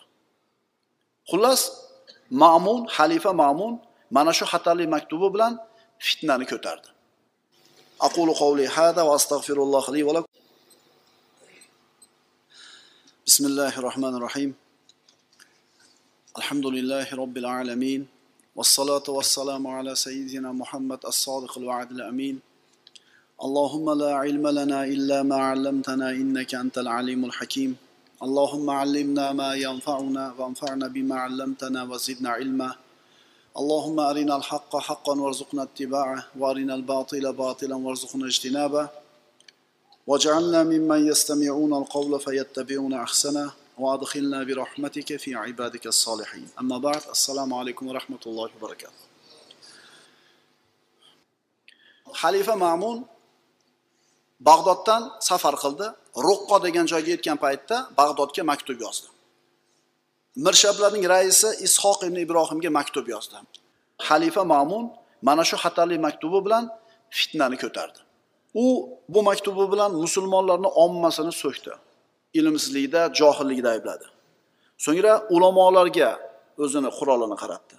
Davlatdagi barcha mansablar hatto qozilik ham faqatgina mo'tazila aqidasini ushlaganlarga tegish kerakligini aytdi. Albatta xalifani bu qilgan ishi ayni zalolat va adashishlik edi. Ammo shu e'tiqodini u to'g'ri deb bildi. Birinchi bo'lib qurolni ulamolarga qaratdi va mana shu ulamolardan kimlarni imtihon qilish kerakligini o'zi belgilab berdi. Ulardan yettitasini nomma nom aytib berdi. Ular kimlar edi? Muhammad ibn saad al voqidiy abu muslim yazid ibn horinni kotibi yahyo ibn main abu haysama zuhayr ibn harb ismoil ibn dovud ismoil ibn abi masud ahmad davroqiy bu kishilar. Eng oliy tabaqadagi ulamolar emas undan keyingi tabaqadagilar edi. Ularni hammasini bag'dodni mirshabi raisi ishoq ibn ibrohim yig'ib xalifani oldiga jo'natdi. Ular xalifani oldiga kelgan paytida xolqul qur'on qur'onni maxluq deyishlik masalasida xalifani tutgan mavqifini bilishar edi. Va agar buni qabul qilmasa ustlarida jazo bo'lishligini ham bilishar edi. Shuning uchun xalifani oldiga borganda taassuf hammalari qur'onni maxluq degan so'zga rozi bo'lishdi qabul qilishdi. Hammasi birinchi imtihondayoq bu o'rinda ularni uzri bor edi. Chunki birodarlar qur'onda alloh taolo aytgan istaydi billah illa man ukriha va qalbuhu mutmainnun bil iman. Kim majbur qilinsa kufr ishga yoki kufr so'zga ammo qalbi iymon bilan xotirjam turgan holatda bo'lsa jonini saqlab qolishligi uchun shu kufr ishini qilsa unga shariat ruxsat beradi. Mana ammor ibn yosir roziyallohu anhuni abu jahl azoblaverdi azoblaverdi. Otasini onasini ko'zini oldida o'ldirdi. Shunda chidamasdan kufr kalimasini aytgan edi. Payg'ambarimiz sollallohu alayhi vasallam oldiga borganda rasululloh taskin berib qalbing nima? deyapti deganlar. Olloh va rasul deyapti deganda kelib yana majbur qilib seni shunday qiynatsa yana bir marta so'kib qo'yaver meni degandilar. Demak ulamolar bu yerda o'zini jonini xatardan saqlashlik uchun shu narsani qabul qilishdi. Garchi bu narsani noto'g'ri deb bilsa ham. Keyin xalifa ularni qo'yib yubordi. Bu yetti kishi bag'dodga kelganidan keyin ishoq ibn ibrohim o'zini hovlisiga ularni olib keldi. Bag'doddan boshqa ulamolarni chaqirib turib ularni oldida mana shu yetti kishi xalifani aqidasini qabul qilganligini uni to'g'ri ekanligini tan olishdi e'lon qilishdi. Imtihon qilingan birinchi guruh ahli ilmlar birinchi imtihondayoq mo'tazilalarni talabini qabul qilishdi. Endi bu masalada e, ulamolarda hammasi ham bir xil mavqifda turmadi. Kimdir qabul qildi kimdir qabul qilmadi. Jonini saqlashlik uchun shariatda ko'rsatilgan uzrdan foydalanganlar xo'p deb qo'yishdi. Ammo uzog'ini ko'rgan agar mo'tazilalarni fikriga bo'ysunilsa kelajakda bu narsa qur'onni ham islomni ham musulmonlarni ham buzib tashlashligiga ahli yetgan ayrim ulamolar qattiq suratda bu narsaga qarshi turishdi. Endi bu fitnada qurbon bo'lgan olimlar ham bo'ldi jonini saqlaganlar ham bo'ldi. Imom ahmad ana shu bir toifa ulamolarni xalifani talabini ijobat qilganligini eshitib hayron bo'ldi. Bular nima qilyapti bular? Ana shu xalifani talabiga rozi bo'lganlarni ichida uchtasidan imom ahmad qattiqroq norozi bo'ldi. Chunki mana shu uchta kishini imom ahmad ulamolarni eng oliy martabadagilari deb bilar edi. Ular kim edi? Abu nasr at tammor yahyo ibn main abu haysama. Ya'ni birinchi zarbadayoq ulamolarni aksariyati bu buzu aqidani qabul qildi. Endi imom ahmad va ozgina ulamolar bu aqidada sobit turishlik kerakligini tushunishdi. Aks holda butun ummat haqdan tolib ketishligini anglashdi. Imom ahmad ana shu ma'munning aqidasini qabul qilgan ulamolar haqida qattiq fatvo aytdi. Albatta bu fatvo xalifa ma'munni qilayotgan ishiga teskari edi zid edi. Fatvo quyidagicha edi. Xolqul qur'onni qabul qilgan kishilardan hadislar olinmaydi va rivoyat qilinmaydi. Ular bilan birga o'tirilmaydi. Ulardan fatvo yozilmaydi. Agar vafot etsa kibor olimlar unga janoza o'qigani borishmaydi. Ya'ni xalifani tutgan mavqifiga ochiq isyon. Shuning uchun abu nasr at tammor vafot etganida imom ahmad uni janozasiga bormagan edi. Mana shu fatvosini o'zini yaqin do'sti yahyo ibn mainga ham qo'lladi. Keyinchalik imom ahmad og'rib betob bo'lib yotib qolganida shu do'sti keldi yahyo ibn main. Imom ahmad cholqamchi yotgan edi bu do'stini ko'rgandan keyin o'girilib oldi. Shunda yahyoga juda qattiq botdi bu mavqif. Shuncha yil do'st bo'lganimizdan keyin menga teskari qaraysizmi? Menga gapirmaysizmi? dedi. Lekin imom ahmad mana shu mavqifida turdi. Solih ibn ahmad aytadi. Imom ahmadni o'g'li otamni huzuriga huzomiy keldi. Ana shu davrdagi ulamolardan ko'zga ko'ringan u ham xolqul qur'onni qabul qilgan edi. Otam eshikni ochganida eshik tagida huzomiyni turganini ko'rdida shart eshikni yopdi ichkariga kirib ketdi dedi. Ya'ni ularga nisbatan imom ahmad qattiq mavqifda turdi. Demak bu masala ikkita odamni o'rtasida ketyapti. Bir tomondan imom ahmad ikkinchi tomondan xalifa ma'mun. Endi imom ahmadni mana shunday qattiq turishligiga sabab nima edi? Ulamolarni xo'p deb xalifani aqidasiga rozi osonlik bilan rozi bo'lib ketayotganligi imom ahmadni mana shunday qattiq mavqifda turishga majbur qildi. Mana shu holatdan nimani o'rganamiz? Ummat haqdan toyilib ketmasligi uchun ulamolar qanday mavqifda turish kerak. Qanday sabotda turish kerak? Shuni anglab yetishimiz kerak. Shunday qilib ishoq ibn ibrohim bag'doddagi ulamolarni aqidasini tekshiradigan bo'ldi. Ko'pchilik kibor ulamolar yengillik bilan bu narsani qabul qilganligi haqiqatdan ajib ish edi. Ana shu imtihon qilingan ayrim odamlarni ishini ko'rib chiqamiz. Ishoq ibn ibrohim abu hasson az ziyodiyni chaqirtirib keldi. Unga maktubni o'qib berdi. Maktubda shunday deyilgan edi bu xalifani maktubi ahadun va fard bo'lgan ollohdan o'zga iloh yo'q ekanligi guvohlik beraman. Undan avval biron narsa bo'lmagan undan keyin ham biron narsa bo'lmaydi. Maxluqotlaridan birontasi unga biron ma'noda yoki biron vajhda o'xshamaydi. Ishoq so'radi boyagi e, abu hassondan qur'on maxluqmi dedi. Abu hasson so'z aylantirdi. Aytdiki qur'on kalomulloh. Olloh har bitta narsani yaratuvchisi ollohdan boshqa narsalar maxluq dedi. Amirul mo'minin bizni imomimiz shuning sababidan odamlarni ommasi bizni eshitadi. U biz eshitmagan narsani eshitdi biz bilmagan narsani bildi. Tahqiq olloh bizning ishimizni unga topshirdi. U bizning hajjimizni namozimizni ado qiladi. Mollarimizning zakotlari unga yetkaziladi. U bilan birga jihod qilamiz. Uning imomatini imomat deb bilamiz. Agar bizga buyursa itoat qilamiz. Agar bir narsadan qaytarsa undan qaytamiz. Agar bizni chaqirsa ijobat qilamiz dedi. Javob bermadi so'ziga. Ishoq yana so'radi. Qur'on u maxluqmi? Abu hasson avvalgi so'zidan qaytardi. Ishoq yana so'radi. Amirul mo'minin qur'onni maxluq deydi. Sen nima deysan? Abu hasson ha amirul mo'minin aytgani bo'ladi. Lekin u bu narsaga odamlarni buyurayotgani va da'vat qilayotgani yo'q. Agar sen amirul mo'minin senga mana shunday deb aytasan dedi desang aytaman dedi. Ishoq bunday deyishimga buyurgani yo'q lekin seni imtihon qilishimni buyurdi dedi. Imom ahmadni olib keldi ishoq ibn ibrohim so'roq qildi. Qur'on haqida nima deysan? Imom javob berdi kalomulloh dedi. U maxluqmi? Imom ahmad kalomulloh dedi. Ishoq qo'lida yozib qo'yilgan narsani undan so'radi. Maxluqotlardan birontasi unga biron ma'noda yoki biron bir vajhda o'xshamaydi. Bu haqida nima deysan? Rozimisan shu fikrga? Imom ahmad laysa kamithlihi shayun va huwas samiul basir deb javob berdi. Ya'ni ollohga o'xshash biror narsa yo'q olloh eshituvchi ko'rguvchidir dedi. Shu majlisda o'tirganlardan bittasi turib ishoqqa ruxsat bersiz men gapiray dedi. Bu mo'tazilalardan bittasi edi. Gapir dedi. U aytdiki bu dedi imom ahmad ko'rsatib. Olloh quloq orqali eshitadi ko'z orqali ko'radi deyapti dedi.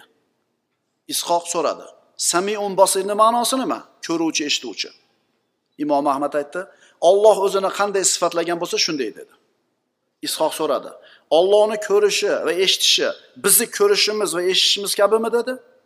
Imom ahmad yo'q dedi biz buni bilmaymiz dedi.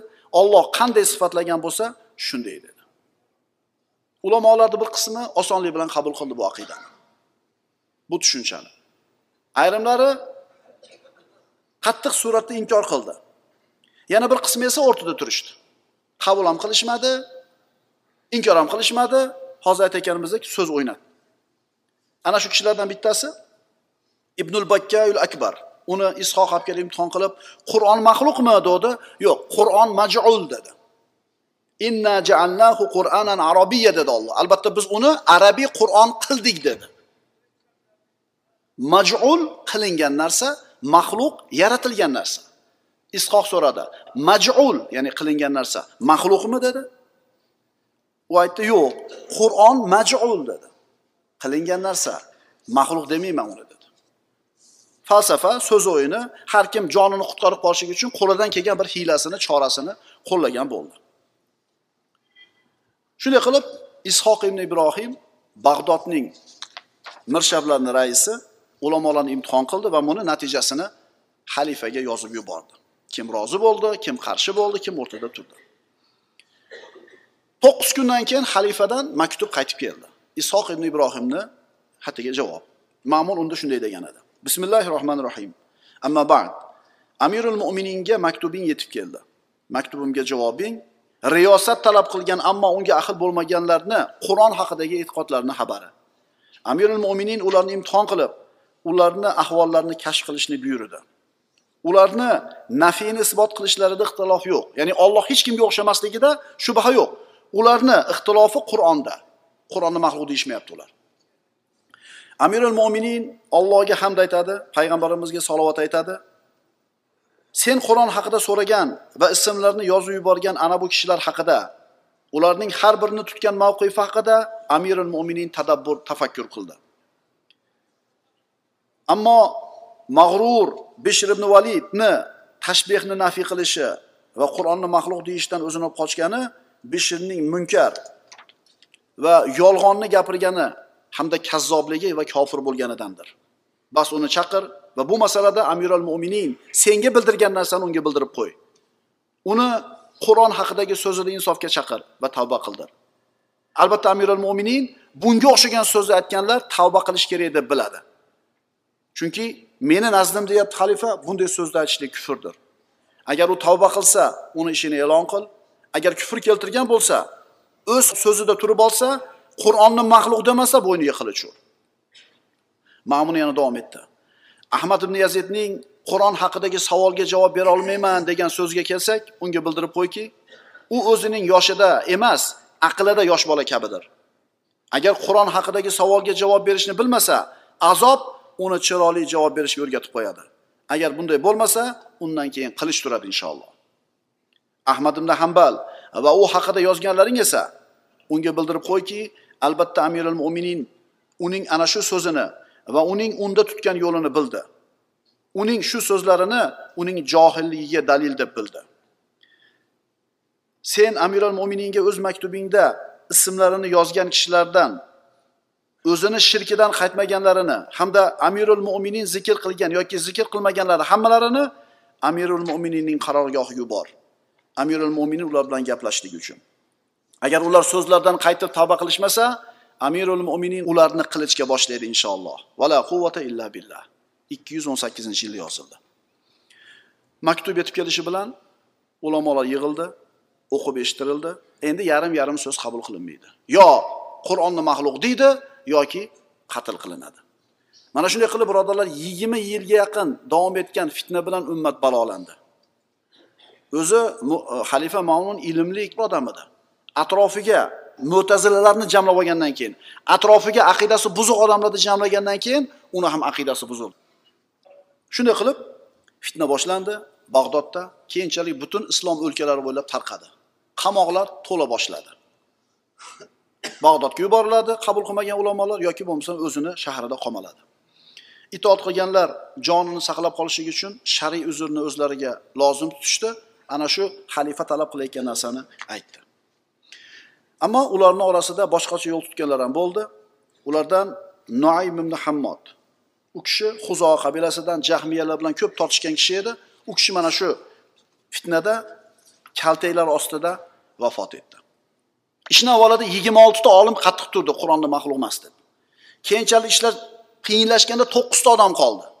Oxirida xalifani oldiga olib boriladiganlar bo'lganda ikkita odam qoldi. Ahmad ibn hambal va u kishining yosh bir shogirdlaridan muhammad ibn nuh. Bu kishini xalifani oldiga olib ketadigan shu ikkita odamlar qoldi qur'onni maxluq demasdan ular ana shu xalifaga olib boriladigan joyda xalifaga olib ketilayotgan yo'lda bir voqea sodir bo'ldi. Rohib degan mintaqaga yetganida bir arobiy keldida salom berib qasininglar imom ahmad sizlar dedi. Ha men dedi. Kelib salom berib dediki ey bu albatta siz odamlarning elchisiz ular uchun shumlik bo'lmang. Albatta siz bugun odamlarning boshlig'isiz. Ya'ni bitta siz qoldingiz. Qur'onni maxluq demagan. Ular sizga taklif qilayotgan narsani qabul qilishdan ehtiyot bo'ling. Odamlar ham ergashib ketmasin. Aks holda qiyomat kunida ularni gunohlari siz zimmangizda bo'ladi. Agar siz ollohni yaxshi ko'rsangiz ustingizdagi narsaga sabr qiling. Siz bilan jannatni orasida faqat o'limingiz turibdi. Agar bugun o'ldirilmasangiz baribir ertaga o'lasiz. Agar tirik qolsangiz hamid holda yashagan bo'lasiz. Ey bu shu yerda qatl qilinib shu yerda jannatga kirib kelsangiz nima bo'libdi dedi.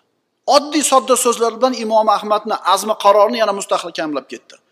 Imom ahmad kim edi bu? deb so'rasa sahroda she'r aytib yuradigan kishilardan robiy urug'idan ismi jobir ibn omir dedi.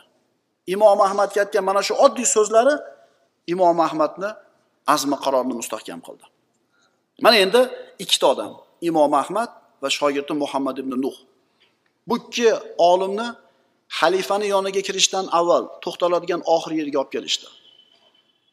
To'xtadi sal turib xalifani oldiga kiradi. Shu payt ma'munning xizmatkorlaridan bittasi yig'lab keldi. Kelib ey abu abdulloh albatta ma'mun qilichini yalang'ochlab turibdi. Avval bunaqa qilmagan edi.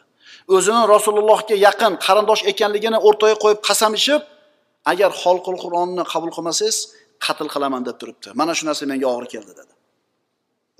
endi imom ahmadni yonini oladigan hech kim yo'q ollohdan boshqa imom ahmad shikoyat qiladigan hech kim yo'q ollohdan boshqa namozga turdi duo qildi sayyidi غر هذا الفاجر حلمك حتى يتجرى على أوليائك بالقتل والضرب اللهم فإن يكن القرآن كلامك غير مخلوق فكفنا معانته mustorni duosi mazlumni duosi Haqda turgan kishini duosi.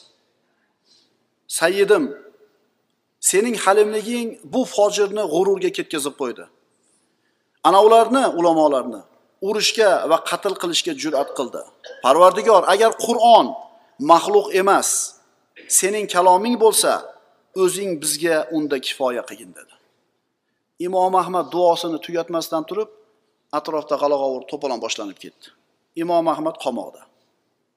Baqir chaqir ko'tarilib ketdi. Ular qamoqda o'tirishibdi. Nima gap nima gap so'rashuvdi? Ma'munni vafot etganligini xabarini aytishdi.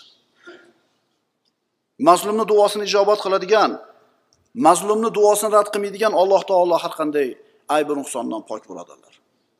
Tunni oxirgi uchinchi qismida qilingan imom ahmadning duosi sababi bilan ma'munga ajali yetdi.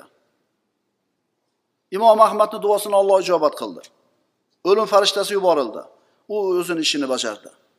Ana ana shu haqda bo'lgan ikki kishiga alloh taolo nima dedi? Mana shunday keldi. Endi imom ahmad bilan muhammad ibn nuhni shu yerga olib kelganlar nima qilishni bilmasdan hayron bo'lib qolishdi. Aqulu qawli hada va astag'firulloh li va lakum. Assalomu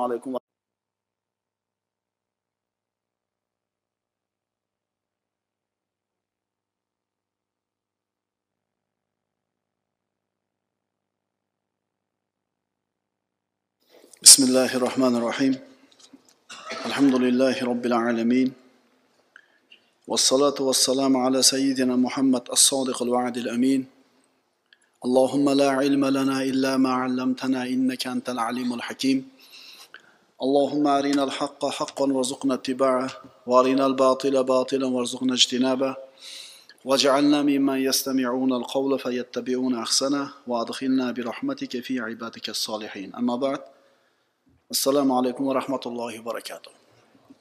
Mazhab boshi imomlarni hayotini o'qib o'rganayotgan edik ahmad ibn hambal rahmatullohi alayhini hayotini bugun yettinchi darsimiz. O'tgan darsimizda xalifa ma'mun imomi ahmadni azoblash yoki qatl qilishlik maqsadida chaqirtirib o'zini huzuriga olib keltirdi. Imom ahmad duo qildi alloh taolo duosini ijobat qildi va buni ma'munni ajalini yetkazdi. Xalifa ma'munni kishilari imom ahmad ibn hambal va uning shogirdi muhammad ibn nuhni nima qilishni bilishmay qoldi. Ruqqodagi qamoqqa yana qaytarib olib kelishdi toki keyingi xalifa nima ish qilishligini o'zi bir ko'rsin. Bu tog'iy mana shunday o'lim topdi. O'zini ilmlik ma'rifatlik saqofatli bo'lishiga qaramasdan ummatni ilmiy hayotini yuksalishiga katta hissa qo'shganiga qaramasdan haqdan toyildi sababi yoniga adashgan mana shu firqa mo'tazilalardan bo'lgan kishilarni yaqin qilganligi edi. Agar shular bo'lmaganida xalifa ma'mun bu ummatning eng ulug' xalifalardan bo'lishligi mumkin edi. Mana undan keyin xalifa ma'munning inisi mu'tasim xalifa bo'ldi. Bu ikkalasi ham horun ar rashidning o'g'illari. Imom ahmad va uni hamrohi kemaga solinib bag'dodga qaytarildi. Xalifa ma'munni ham jasadi bag'dodga poytaxtga olib kelindi. Yo'lda kelishar ekan imom ahmadni hamrohi muhammad ibn nuh. Imom ahmadni ham shogirdi edi ham hamrohi edi yosh yigit edi. Unga bir ajal yetganligi haq bo'ldi. Ya'ni ajalini yaqinlashganini his qilib imom ahmadga nasihat qildi. Aytdiki ey abu abdulloh ollohdan qo'rqing. Siz men kabi emassiz. Odamlar sizni ergashishadi sizni nima deyishingizni qarab turishibdi. Ollohdan taqvo qiling. Bu ishda sobit bo'ling dedi.